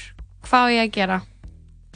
Annars, uh, takk kærlega fyrir þáttinn. Hlusta daglega á leiðinni heim úr háskólanum Þetta er vandamálið Þetta er vandamáli Já, ég veit að, þú veist, ef allar að valda fram að sofa hjá honum, þá er þetta sár ekkert bara að gróa, sko. Og eina lækningi við uh, brotnu eða krömdu hjarta sem er íslenskar að segja er tíminn. Þannig að, sko, ef þú vilt að líða, þú veist, ef þú vilt að hafa tíminni sé einhvern veginn í stöðnun og sársökinn sé bara repeat, endilega halda áfram að sofa hjá honum. Real talk, Án gríns real talk Það var bara fagmannlega leist Já, myndið þú kom, erst þú með eitthvað aðra hlið á þetta? Eitthvað annað POV mm, Ég myndi segja að hann halda fram að sofa hjá honum og uh, já, halda fram að sofa hjá honum og uh, byrja að sofa hjá fleirum mm. Og Ekki nota getnavarnir, sjá Já, hvað það er gerist góð pæling reyndar, reyndar. Ef þú allar aldrei að sofa hjá honum, þá að sofa hjá fleirum Já. Og já, vegna þess að þú veist kannski, það er ákveði valda mis, misvægi hérna vegna þess að hann er að sofa hjá fullt en þú ert bara að sofa hjá honum, þá er hann með einhvern veginn Hann með hann spilin í með hendinni fleiri fikk og gefa fólk spil á hendinni en þú Já. hefur, þú, testa, þú reynir að kíkja bónkana, sjá hvað sem mörg spil hann er með, toppa það Sko, Tvöfalda það, lí- jafnvel. ég vil líka sko draga aðteklina aftur að ég held að þetta myndi mögulega því að við myndum byrja aftur saman að þetta er svo mikið sjálfsblekking sko já, ef þið eru hætt saman og þið eru að sofa saman það er ekki að fara að láta ykkur byrja saman aftur Ég hef hætt í svona tíu sambandum og King eh, sambandsking. þannig að, sko, ég veit ég að, ég byrjar að fatta svona, þú veist, ég, ég, ég hef hort í augun hef á sambandstöðanum ég hef hort í augun á sambandstöðanum alveg svona margóft, sko, þekki He- nákvæmlega Hefur hann þá trúa ástinni? Já, algjörlega, Ok. en uh, eilíf ást og sönn ást og allt þetta þessi romantíska ást, það er bara einstaklingsbundið, sko Mhm. þannig að uh, Ok, sambandsstöðin, þú hefur hort í augun á Ég hann horfði í augun á honum þannig að sko, þannig með bregður minna og minna þegar ég sé hann sko. Segir bara, Einhver já, herru, dempar og þú veist eitthvað, Ég átti já. bónaður. I've been expecting you. eins og gömlum vin. Við erum með svona secret handshake. Já. Hei, hvað er þetta? Þetta er uh, Þetta er uh, örgiskerfi í á á Við rættum þessu Við rættum þessu Þetta er bara flott Svo heitar umræðar að kvikna í. Orðið, orðið sjóð heitt í stúdíónu Já, ég myndi segja uh, þessari mannesku að, sofa hjá fleirum og sofa jafnvel hjá mörgum í einu. Jói. Og uh, kannski fara Akkur, að akkur nota ertu þetta alltaf að tækifæri gefa ráð sem þú myndir aldrei fara eftir sjálfur? Nota Það er- tækifæri til þess að að að, að uh, þennja út eigin svona kynvitund. Er það ekki minnst alveg mega sens? Já, ég vegna þess, jú, í vissum skilningi vegna þess að það að vera í sambandi er að, sko, það er alltaf vegurinn í áttastöðnun Mhm. og stöðnun Wow. er, uh, þú veist, uh, alls, þú veist, ef þú ætlar að opna eitthvað svona vitund, þá er, þá er stöðnun ekki Ég staðurinn bara sem þú átt að vera, blóðna sko. sér þegar þú sagði þetta Ég er bara þrýstingur Vegurinn í átt á stöðnun Nei, Ok, en þarf að leggjast niður En ef stöðnun er draumurinn þinn, þá getur þú gert gott úr því og það er alveg æðislegt. En ég verða sko, uh, ég ger er- ráð fyrir að uh, fólki sem hlustur á okkur sé ungt, þannig að þú veist, ef að þetta er break-up, þú ert að upplefa ástasokk núna, þá uh, þarft að lifa meira og you ain't seen nothing yet, sko. Oh my god. Erum, erum aðan vandamáli eða? Þetta er eina vandamáli sem við fengum í dag. Þetta var eina vandamáli, vá Það er náttúrulega bara- ég með mörg vandamál. Já, viltu kannski koma eitthvað að þínum vandamálum og gáður þetta hulli getur hjálpaði með því að Ok, já, ég er náttúrulega bara, ég get bara tala um vandamáli á, sem ég var að tala um aðan Já, sem er bara skilur hvernig, hvernig maður að díla við að vera alltaf að gera grína fólki á netinu og þurfa síðan að hitta það í raunveruleikanum? Og taka viðtal við þig Ég þú bjóst um það, Rúm, og þú þarft að liggja í því, sko, ég verða hvernig áttu að díla, þú veist, það er ein leið, það er tvær leiðir.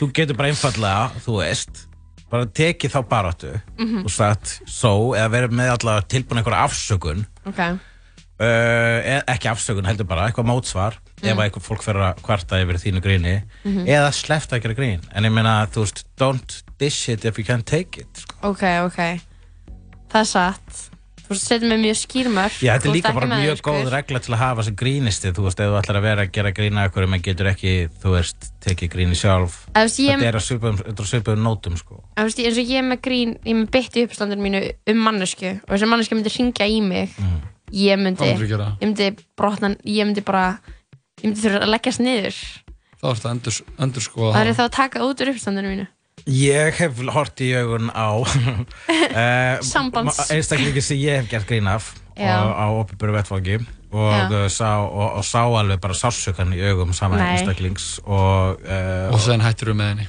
Og síðan gaf uh, sambandsstöðunum fimmu fengum, fórum, fengum bjór, fórum í þrísam með þér já.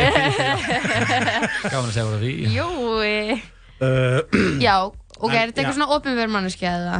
Já, og, uh, og þannig að ég sko baðist ekki beint afsökunar en ég sagði bara sko, ég bara lísti bara, og meðan ég var að tala við hann þá leið mér illa að hafa sagt einstakling og ég sagði hann, mér líður úslega illa núna að hafa sagt einstakling, að sagt þig og þannig að uh, ég myndi, og ég myndi byggja afsökunar, ég vissi ekki að það væri merkingalöst hvort þið er vegna þess að ég er búin að hendur svo grein út og lalala, er ekki eftir að taka aftur Já, já. ég myndi hvort þið er ekki að taka aftur líklega vegna þess að þetta var brandari sem ég var að elda og mér fannst það vera viðeigandi á þeim tíma sko. Þetta er svo, það er svo að, eh, frikkin auðmyggjandi að vera grínisti Já, maður þarf bara að standa með því en síðan er það sko, þetta svoleiðis gerir það að verkum að næst er ma- svona tækifæri blasi við manni að maður getur skotið alveg bara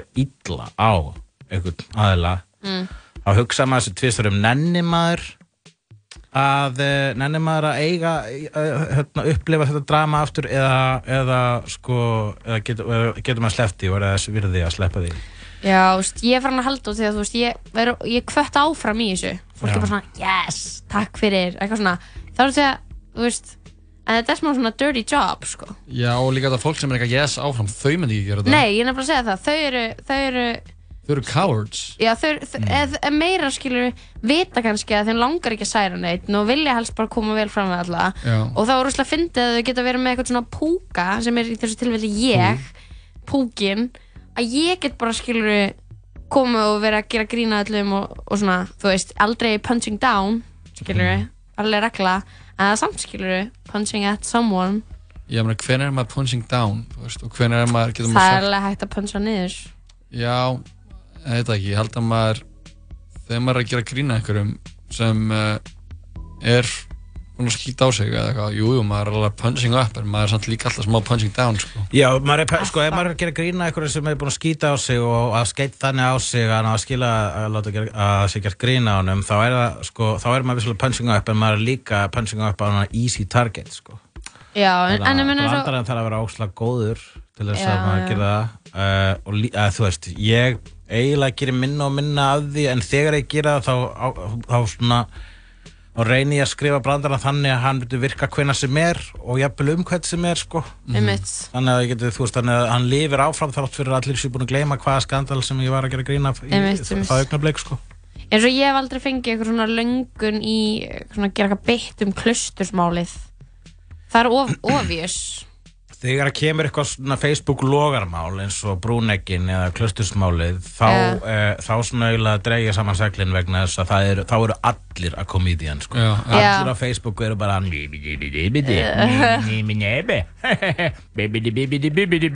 og maður bara svona getur eiginlega ekkert saman eitt vegna þess að það er eiginlega eitthvað búin að semja það áður sko. nákvæmlega Það er svona eins og í, í Buffyð vampæðislega þegar vampýru fara ekki út á Halloween vegna þess að þeim finnst það takki Vá, hvað ég tengi þetta voru bara góð loka orð.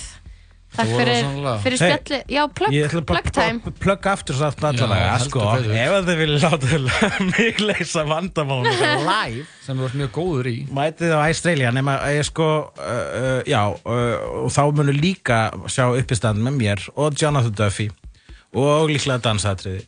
Uh, síðast skipti sem ég er með uppistand á þessu landi í hugsalega sem eftir er uh, lífi þessarar plánutu því að við munum öll deyja. Já.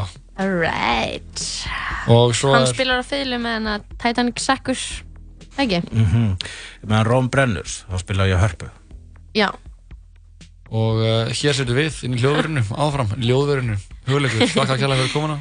Eh, Takk fyrir mig. Og uh, gangið vel í Berlín. Takk kærlega fyrir það og uh, Adiós. við, adiós, við komum aftur eftir smásins fáum hérna kannski eitt, jáfnvel tvö lög þetta er, Ef ekki- hvað séru? Ég segi bara að fimm, þau með að vera fimm mín vegna. þetta er Enrique Iglesias lagið uh, Hero Yes Let me be your hero.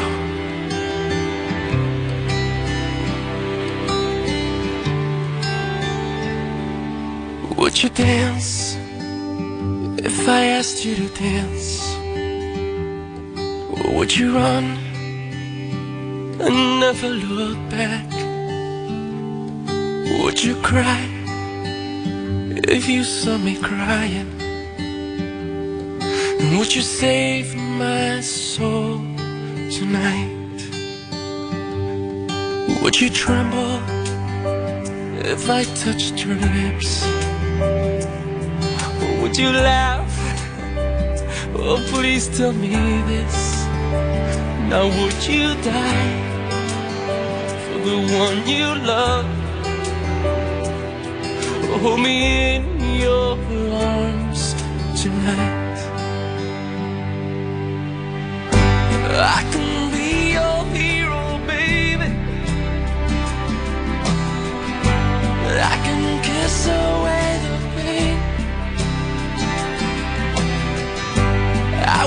stand by you forever. You can take my breath away.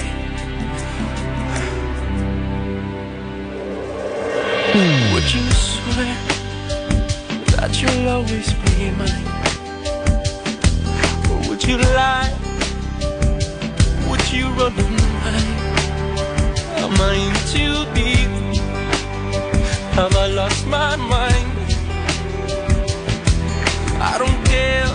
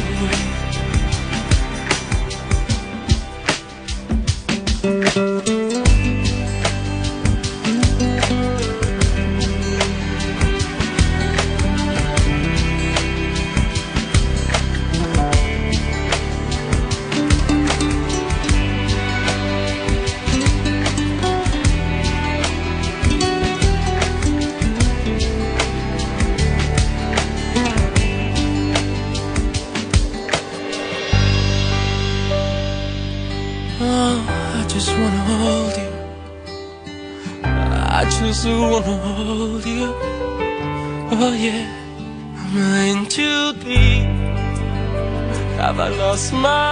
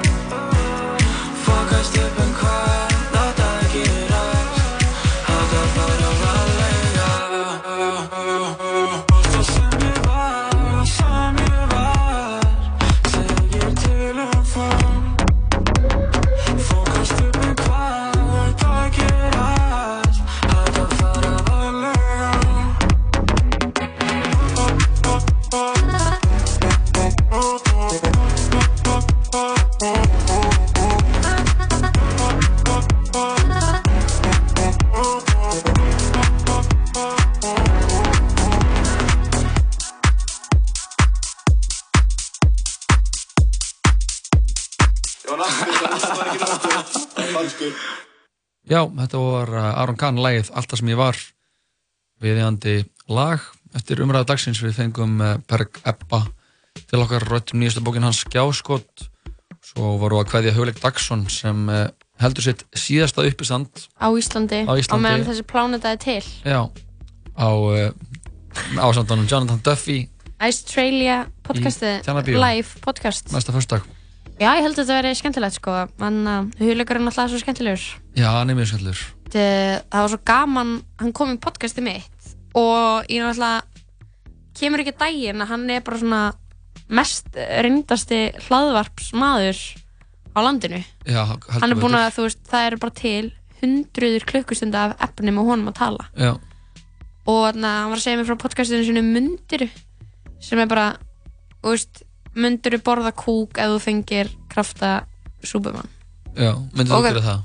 Nei, Er það ekki? nei, ég myndi ekki borða kúk það er bara svona dæmi sem ég myndi ekki einu svona setja hann í köku og borða hann, skilur við Myndir ekki taka bara einn, bara solid Nei. hundakúkur Nei, taka eitt bita, tyggja það, því Nei. fyrir bara anna, Nei. þú verður með innri frið það sem eftir væri Nei Ég vil frekar bara vinna með inn, þennan innri frið heldur en að hafa borðað kúk innri frið að og bara, og bara 2 miljardina bók skattfrjálst og anna, Vá, því að það væri svo slemt að borga, borga skatt á já, tömu þú veist, þú væri bara búinn að því.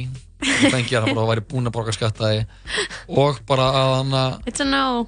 og, það væri búið að, að heimurinn væri ekki lengur í nefnir svona lofslagsvá myndi ég, myndi ég borða kúk til að berga heiminum? Já. Já, en ég myndi ekki borga, borða kúk fyrir 2 miljardi en, Skilurðu? eh, nei, ok. Þú veist, ég myndi ekki, ég myndi ekki vilja hafa bara upplefa það að hafa borða kúk, skilur En eins og, stelpunar í Two Girls One Cup. Aha. heldur þeim liði gilla okkur um einasta degi? Nei, ég held að þessi ábygglega ná bara miklum frið með þetta vídeo og heldur það séu óveritt að þeir hafi kúkað allt, borðað kúkin og æluna já, og allt kúknum og borðað ég æluna held að þessi ábygglega mjög góðum stað bara. Herðu, ég kom með hugmynd að, að það sem við ætlum að tala um næsta þriðudag eftir viku. Já, þá er ég komin heim frá Sviss. Mhm, þá ætlum við að tala um hvar eru One Cup stelpunar í dag. Já, og fá þær í viðtal. Fá þær í viðtal, Facebook viðtal. Við ætlum að ringja yfir á Facebook og tala við þær. Mhm. Þetta er að fara að gerast. Ég, myndi, Ég ætla að aldrei fundið fyrir að miklum fjölmeila mennsku metnaði og núna. Og svo eftir mánu það voru lemon party gaurarnir Já. þeir sem er ennþá lífi. Þeir lífi. þeir verða líka hérna. En hvort myndur þú frekar? kúk. Ég bauð ekki upp á hvort myndur frekar. Og þannig að- og ég ætla fá- að fara að tala rækka Fá kjartans. fyrir það 2 miljardar eða allir halda að þú hafi, hafi gert það en þú gerða í rauninni ekki í bæði borga skiptum fæ ég 2 miljardi Nei, í annars getur þetta borga 2 miljardar Anna, hvort myndur þetta er ekki gott hvort myndur þetta er, þetta er lélegt. Nei, Jú. annað er gott þá getur þú fengið 2 miljardar fyrir það. En ég borða kúk og hitt skiptið þar ég að borga en það veit 2 enginn að því. milljarða. En það veit enginn að því. En hitt þá þarf þetta að borga 2 þú gerða það ekki en það halda allir að gera það. Jói, Já, mér langar ekki að svara þessu að- færum okkur yfir aðra hann, Jói, eh, hvort myndur þú frekar vera með raskat í munninum eða munn á raskatinu uh, helst bara bæði Tölum um Ragga Kjartans. Já, Raggi Kjartans Hvað var hann að eh, gera? Var að fá uh, ágæta viðurkenningu Já, ok. af uh, The Guardian Já, Guardian, breska stórblæð The Guardian segir verkið Visitors eftir Ragnar Kjartansson vera besta myndlistaverk 2001. aldarinnar Já, það var hér gerðu listi the besta list 2001. aldarinnar náttúrulega hellaf að lenda þarna í uh, fyrsta sæti um, þetta er um, þetta er síðan 2012 þetta verk Mhm. sínt á mikrosafninu í Sviss uh, þetta, þetta tekið upp á þetta verk er tekið upp á risastóru hefðarsetri Mhm. Eða já, stóru hefðarsetri í New York fylki sem að vinir Ragnars eiga. Mhm. og þetta er, hann er þarna í viku með vinur sínum og það er að spila lag samið af fyrrandi eiginkonu Ragnars. Mhm. og þetta er svolítið svona á uppgjör á, á skilnaðinum. Skilnaðurinn. Sástu þetta verk? uh, ég er búin að sjá svona klipp ég, nei, ég hef ekki séð það sko á safni. Ég hef bara séð það á netinu Það, Eh, það eiginlega jú, bara- ég sá það kannski á samsýningunni nýri í hérna, nýri á listasafni Reykjavíkur eða var það þar, þá sá ég það kannski. Já, ekki samsýningunni, þannig að safn, sí, síningunni með öllu dótunans yfirlits yfirlit síningunni Já, ég held að það hafi ekki verið þar. Ég Nei. sá þetta í uh, hvað heitir það aftur? Uh, það í gamla klink og bank þegar það var inn í gula húsinu á Körkjötunni Þetta var, verk var sínt þar sko. Ok, sem er núna held ég búið að rífa. Já, og ég verð að segja að mér finnst bara, þetta, er stór, þetta var stórkvæslegt sko. þetta var, st- ég satt inn í þannig að þetta er, þetta er mörg meirfmyndi vídeo þetta er allt tekið upp í þessu á þessu sama hefðarsetri og út um allt á Mhm. lóðinni Mhm. og allir að spila þetta lag og ég var eiginlega bara svona algjörlega agndofa sko það titillin er Abba, síðasta plata Abba og Ragnar heldur mikið upp á Abba eins og gera og margir gera. Visitors og Guardians, hérna, umsök Guardian um þetta þér líður eins og gesti í þessu stórkostla verki sem þú sekkur ofan í. Því ofta sem ég sé það því meira líður mér eins og ég búi í herbyrgjum þess. Upplifun sé tragísk og glaðleg en áhörundur dáleitir allar 64 mínútunar Mhm. uh, Raggi uh, er segist vera mjög ánæður hann spurður út í svona sín viðbröð á. Guardian. Mér liði bara helviti vel með það ég er mjög hrifin af kommunista vefnum ykkar. Þannig að Raggi er eh, sáttur með, með þetta, með listan frá Guardian. Og við erum bara þetta er náttúrulega bara merkilegt sko. Já, þetta er það sko. En hann er náttúrulega, hann er búið að ganga vel lengi skilur, þetta er, þetta er veist, ég sá þetta og ég er eitthvað wow, og svo verð ég svona það er samt búið að stefni eitthvað svona svo lengi. Búin að Mhm. vera búin að vera á svona stóru söfnum og algjör svona rockstjarna myndlistarheimsins. Já, og uh, þetta er flott verk. Við þurfum nú bara að fara að fá hann aftur í viðtalbræðum sko. Já, Við náttúrulega fengum hann hérna í viðtal, hvernig var það? Í síðasta haust? Í morgunþáttinn? Já. Uh, nei, við fórum með hann síðasta vetur hérna bara í janúar eða februar þegar ég var nýbyrja á stöðinni. Einmitt, já. Já, Getum við ekki hlustað á bara, sko, eiginlega uppáhalds rækjakjartasverk sem ég hef séð er annað The National að spila. Já. Getum við ekki bara hlustað á eitt National lag? Jú. Uh, að maður stöði því að held eftir ég á. Móma eða eitthvað Já, já, já og þeir eru að spila ógíslega lengi, svona endurance. Einmitt, ég sko, Anna er hitt vissum, ég þekki ekkert- mikið af lögum með hljómsveitinni samt The Mhm. National uh, er, er eitthvað lag sem þú manst eftir sem við getum spilað hérna Já, bara efsta lagið. Bara eitthvað lag með The National Já. Já, þá gerum við það og komum og sláðum bátni innan þátt eftir öskum stund fyrst I Need My Girl með hljómsveitinni The National Gekkað.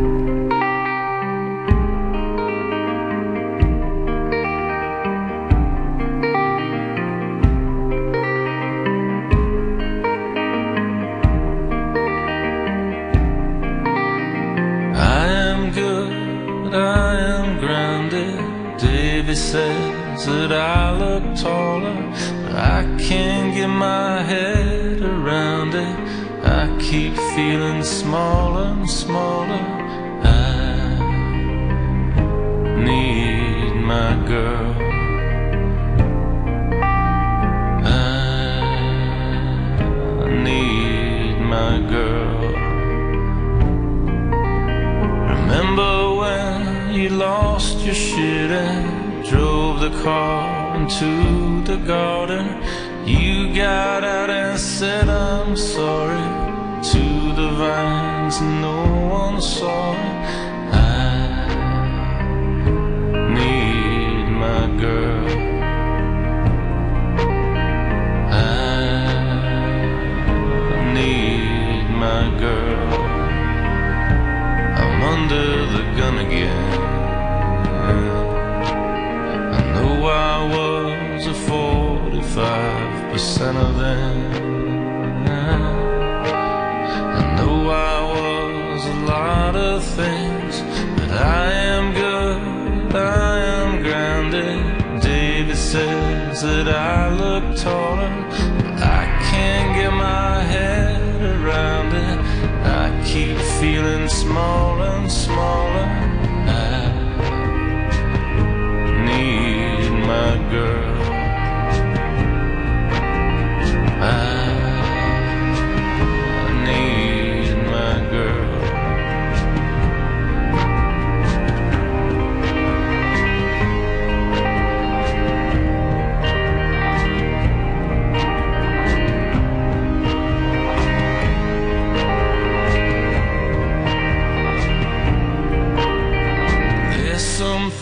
That I should never laugh about in front of family.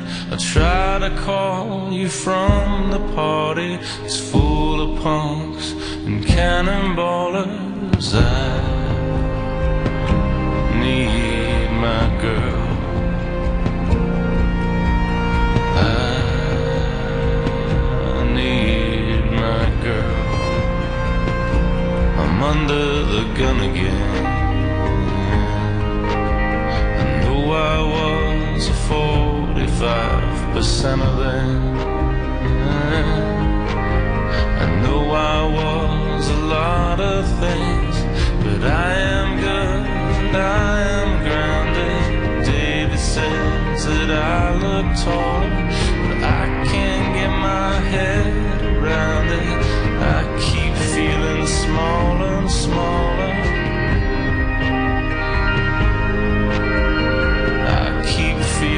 small.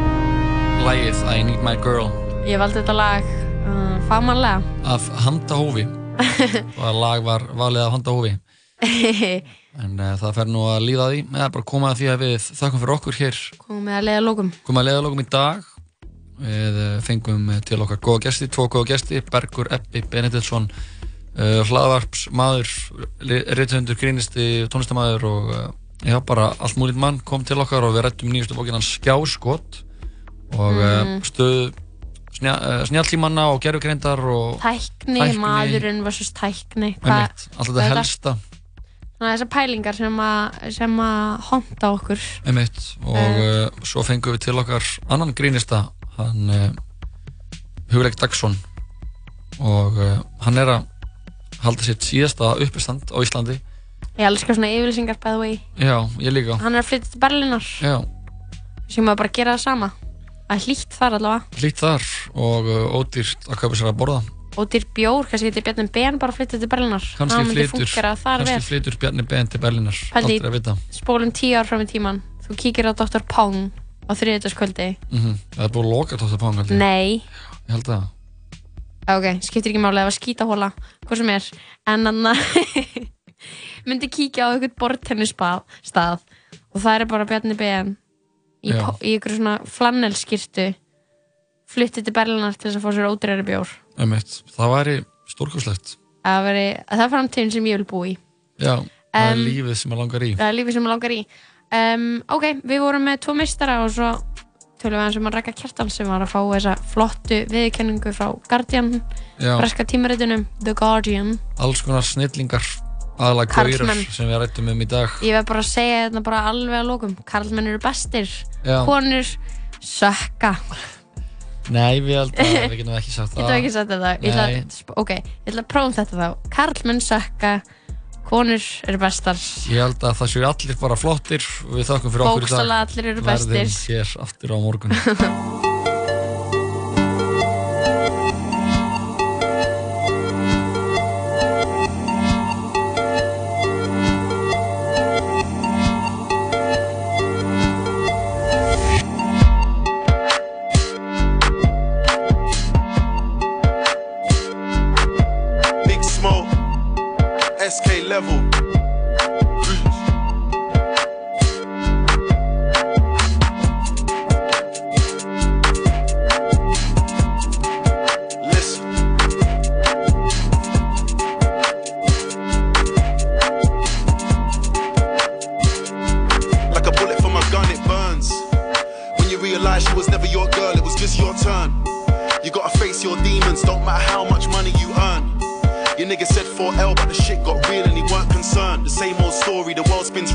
round and fam. Lessons have to get learned. Truth has to be told. I don't bend, I don't fold. I lost count how many we sold. I went silver, I went gold, then I went platinum, so what's next? Supermodels trying to sex. Sending nudes on a text. Can't believe I used to be vexed. See, it's too easy to write a sad song about how my dad raised me. Cause I'm looking in the mirror and my dad made me a real tough boy. I just can't play the victim. Been living my life as a kingpin. I'm calm with the heat in the kitchen. I was a young boy, mum told me what my name really means, and the power just kicked in. I found my way home, then I saw my granddad's name on a gravestone, the same as mine. Already dead, nothing to fear, I've been here from time. Chief SK sipping on palm wine. Every day I laugh at these niggas online. Another one here today, gone tomorrow. Dick riding for some likes and a follow. Put in the work, that's all you need to bust. Shout out Lancey, Hetty, and Jay Huss. Shout 6-7, oh, you see them with us. We was on tour, bare weed on a bus. Feds outside the bus, gotta push to the next city, gotta rush. Big plans getting discussed, so freedom is a must. Fuck the police, tell them eat my dust. Cause still it ain't safe, not even in a world full of cops. I got bored of asking when is this hurt gonna stop. We don't wanna conversate or confer with the it is what it is. Recently I've been learning a lot. All I know is there's no better feeling than getting home and seeing my little girl in a cot. So this year we're done talking, forget the bag of chat, it's just action. Man, I'm trolling to get a reaction. Every day it's another distraction. Gotta fight temptation, can't get lost in the source. Have I got a heart? Yeah, of course. But I had to put my feelings on pause. Cause like a bullet from a gun, it burns. When you realize she was never your girl, it was just your turn. You gotta face your demons, don't matter how much money you earn. Your nigga said 4L, but the shit got real and he weren't concerned. The same old story, the world spins round and round, fam. Lessons have to get learned.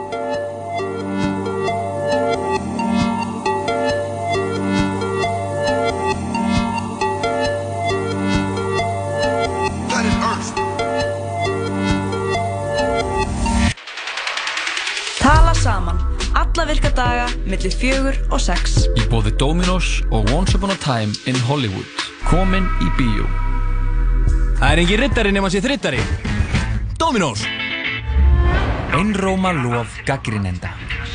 Kröftug og frumlega úthugsuð. Hvítur hvítur dagur kemur í bíó 7. september. Hamburgerabúla Tómasar, þriðudagstilbóð, þriðudagstilbóð. Hamburgerabúla Tómasar. Ekki verða batteríslaus. Mundu eftir hlæðslu. Hlæðsla. 100% hágæða prótendrikur. Uh, here I come. Anybody order fried sauerkraut? Nýjunda kvikmynd Quentin Tarantino. Leonardo DiCaprio. I'm Rick Dalton. Brad Pitt. Here comes trouble. Charlie's gonna dig you. Once upon a time in Hollywood. Komin í B.O. Útvarpund á einn.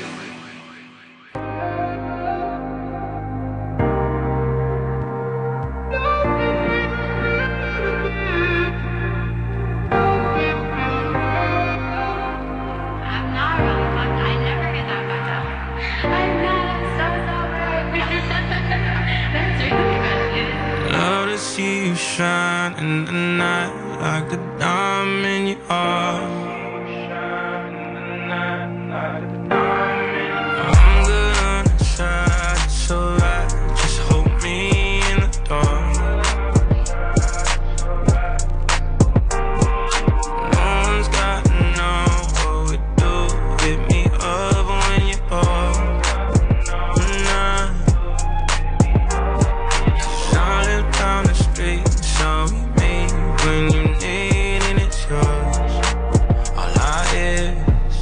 Such bad on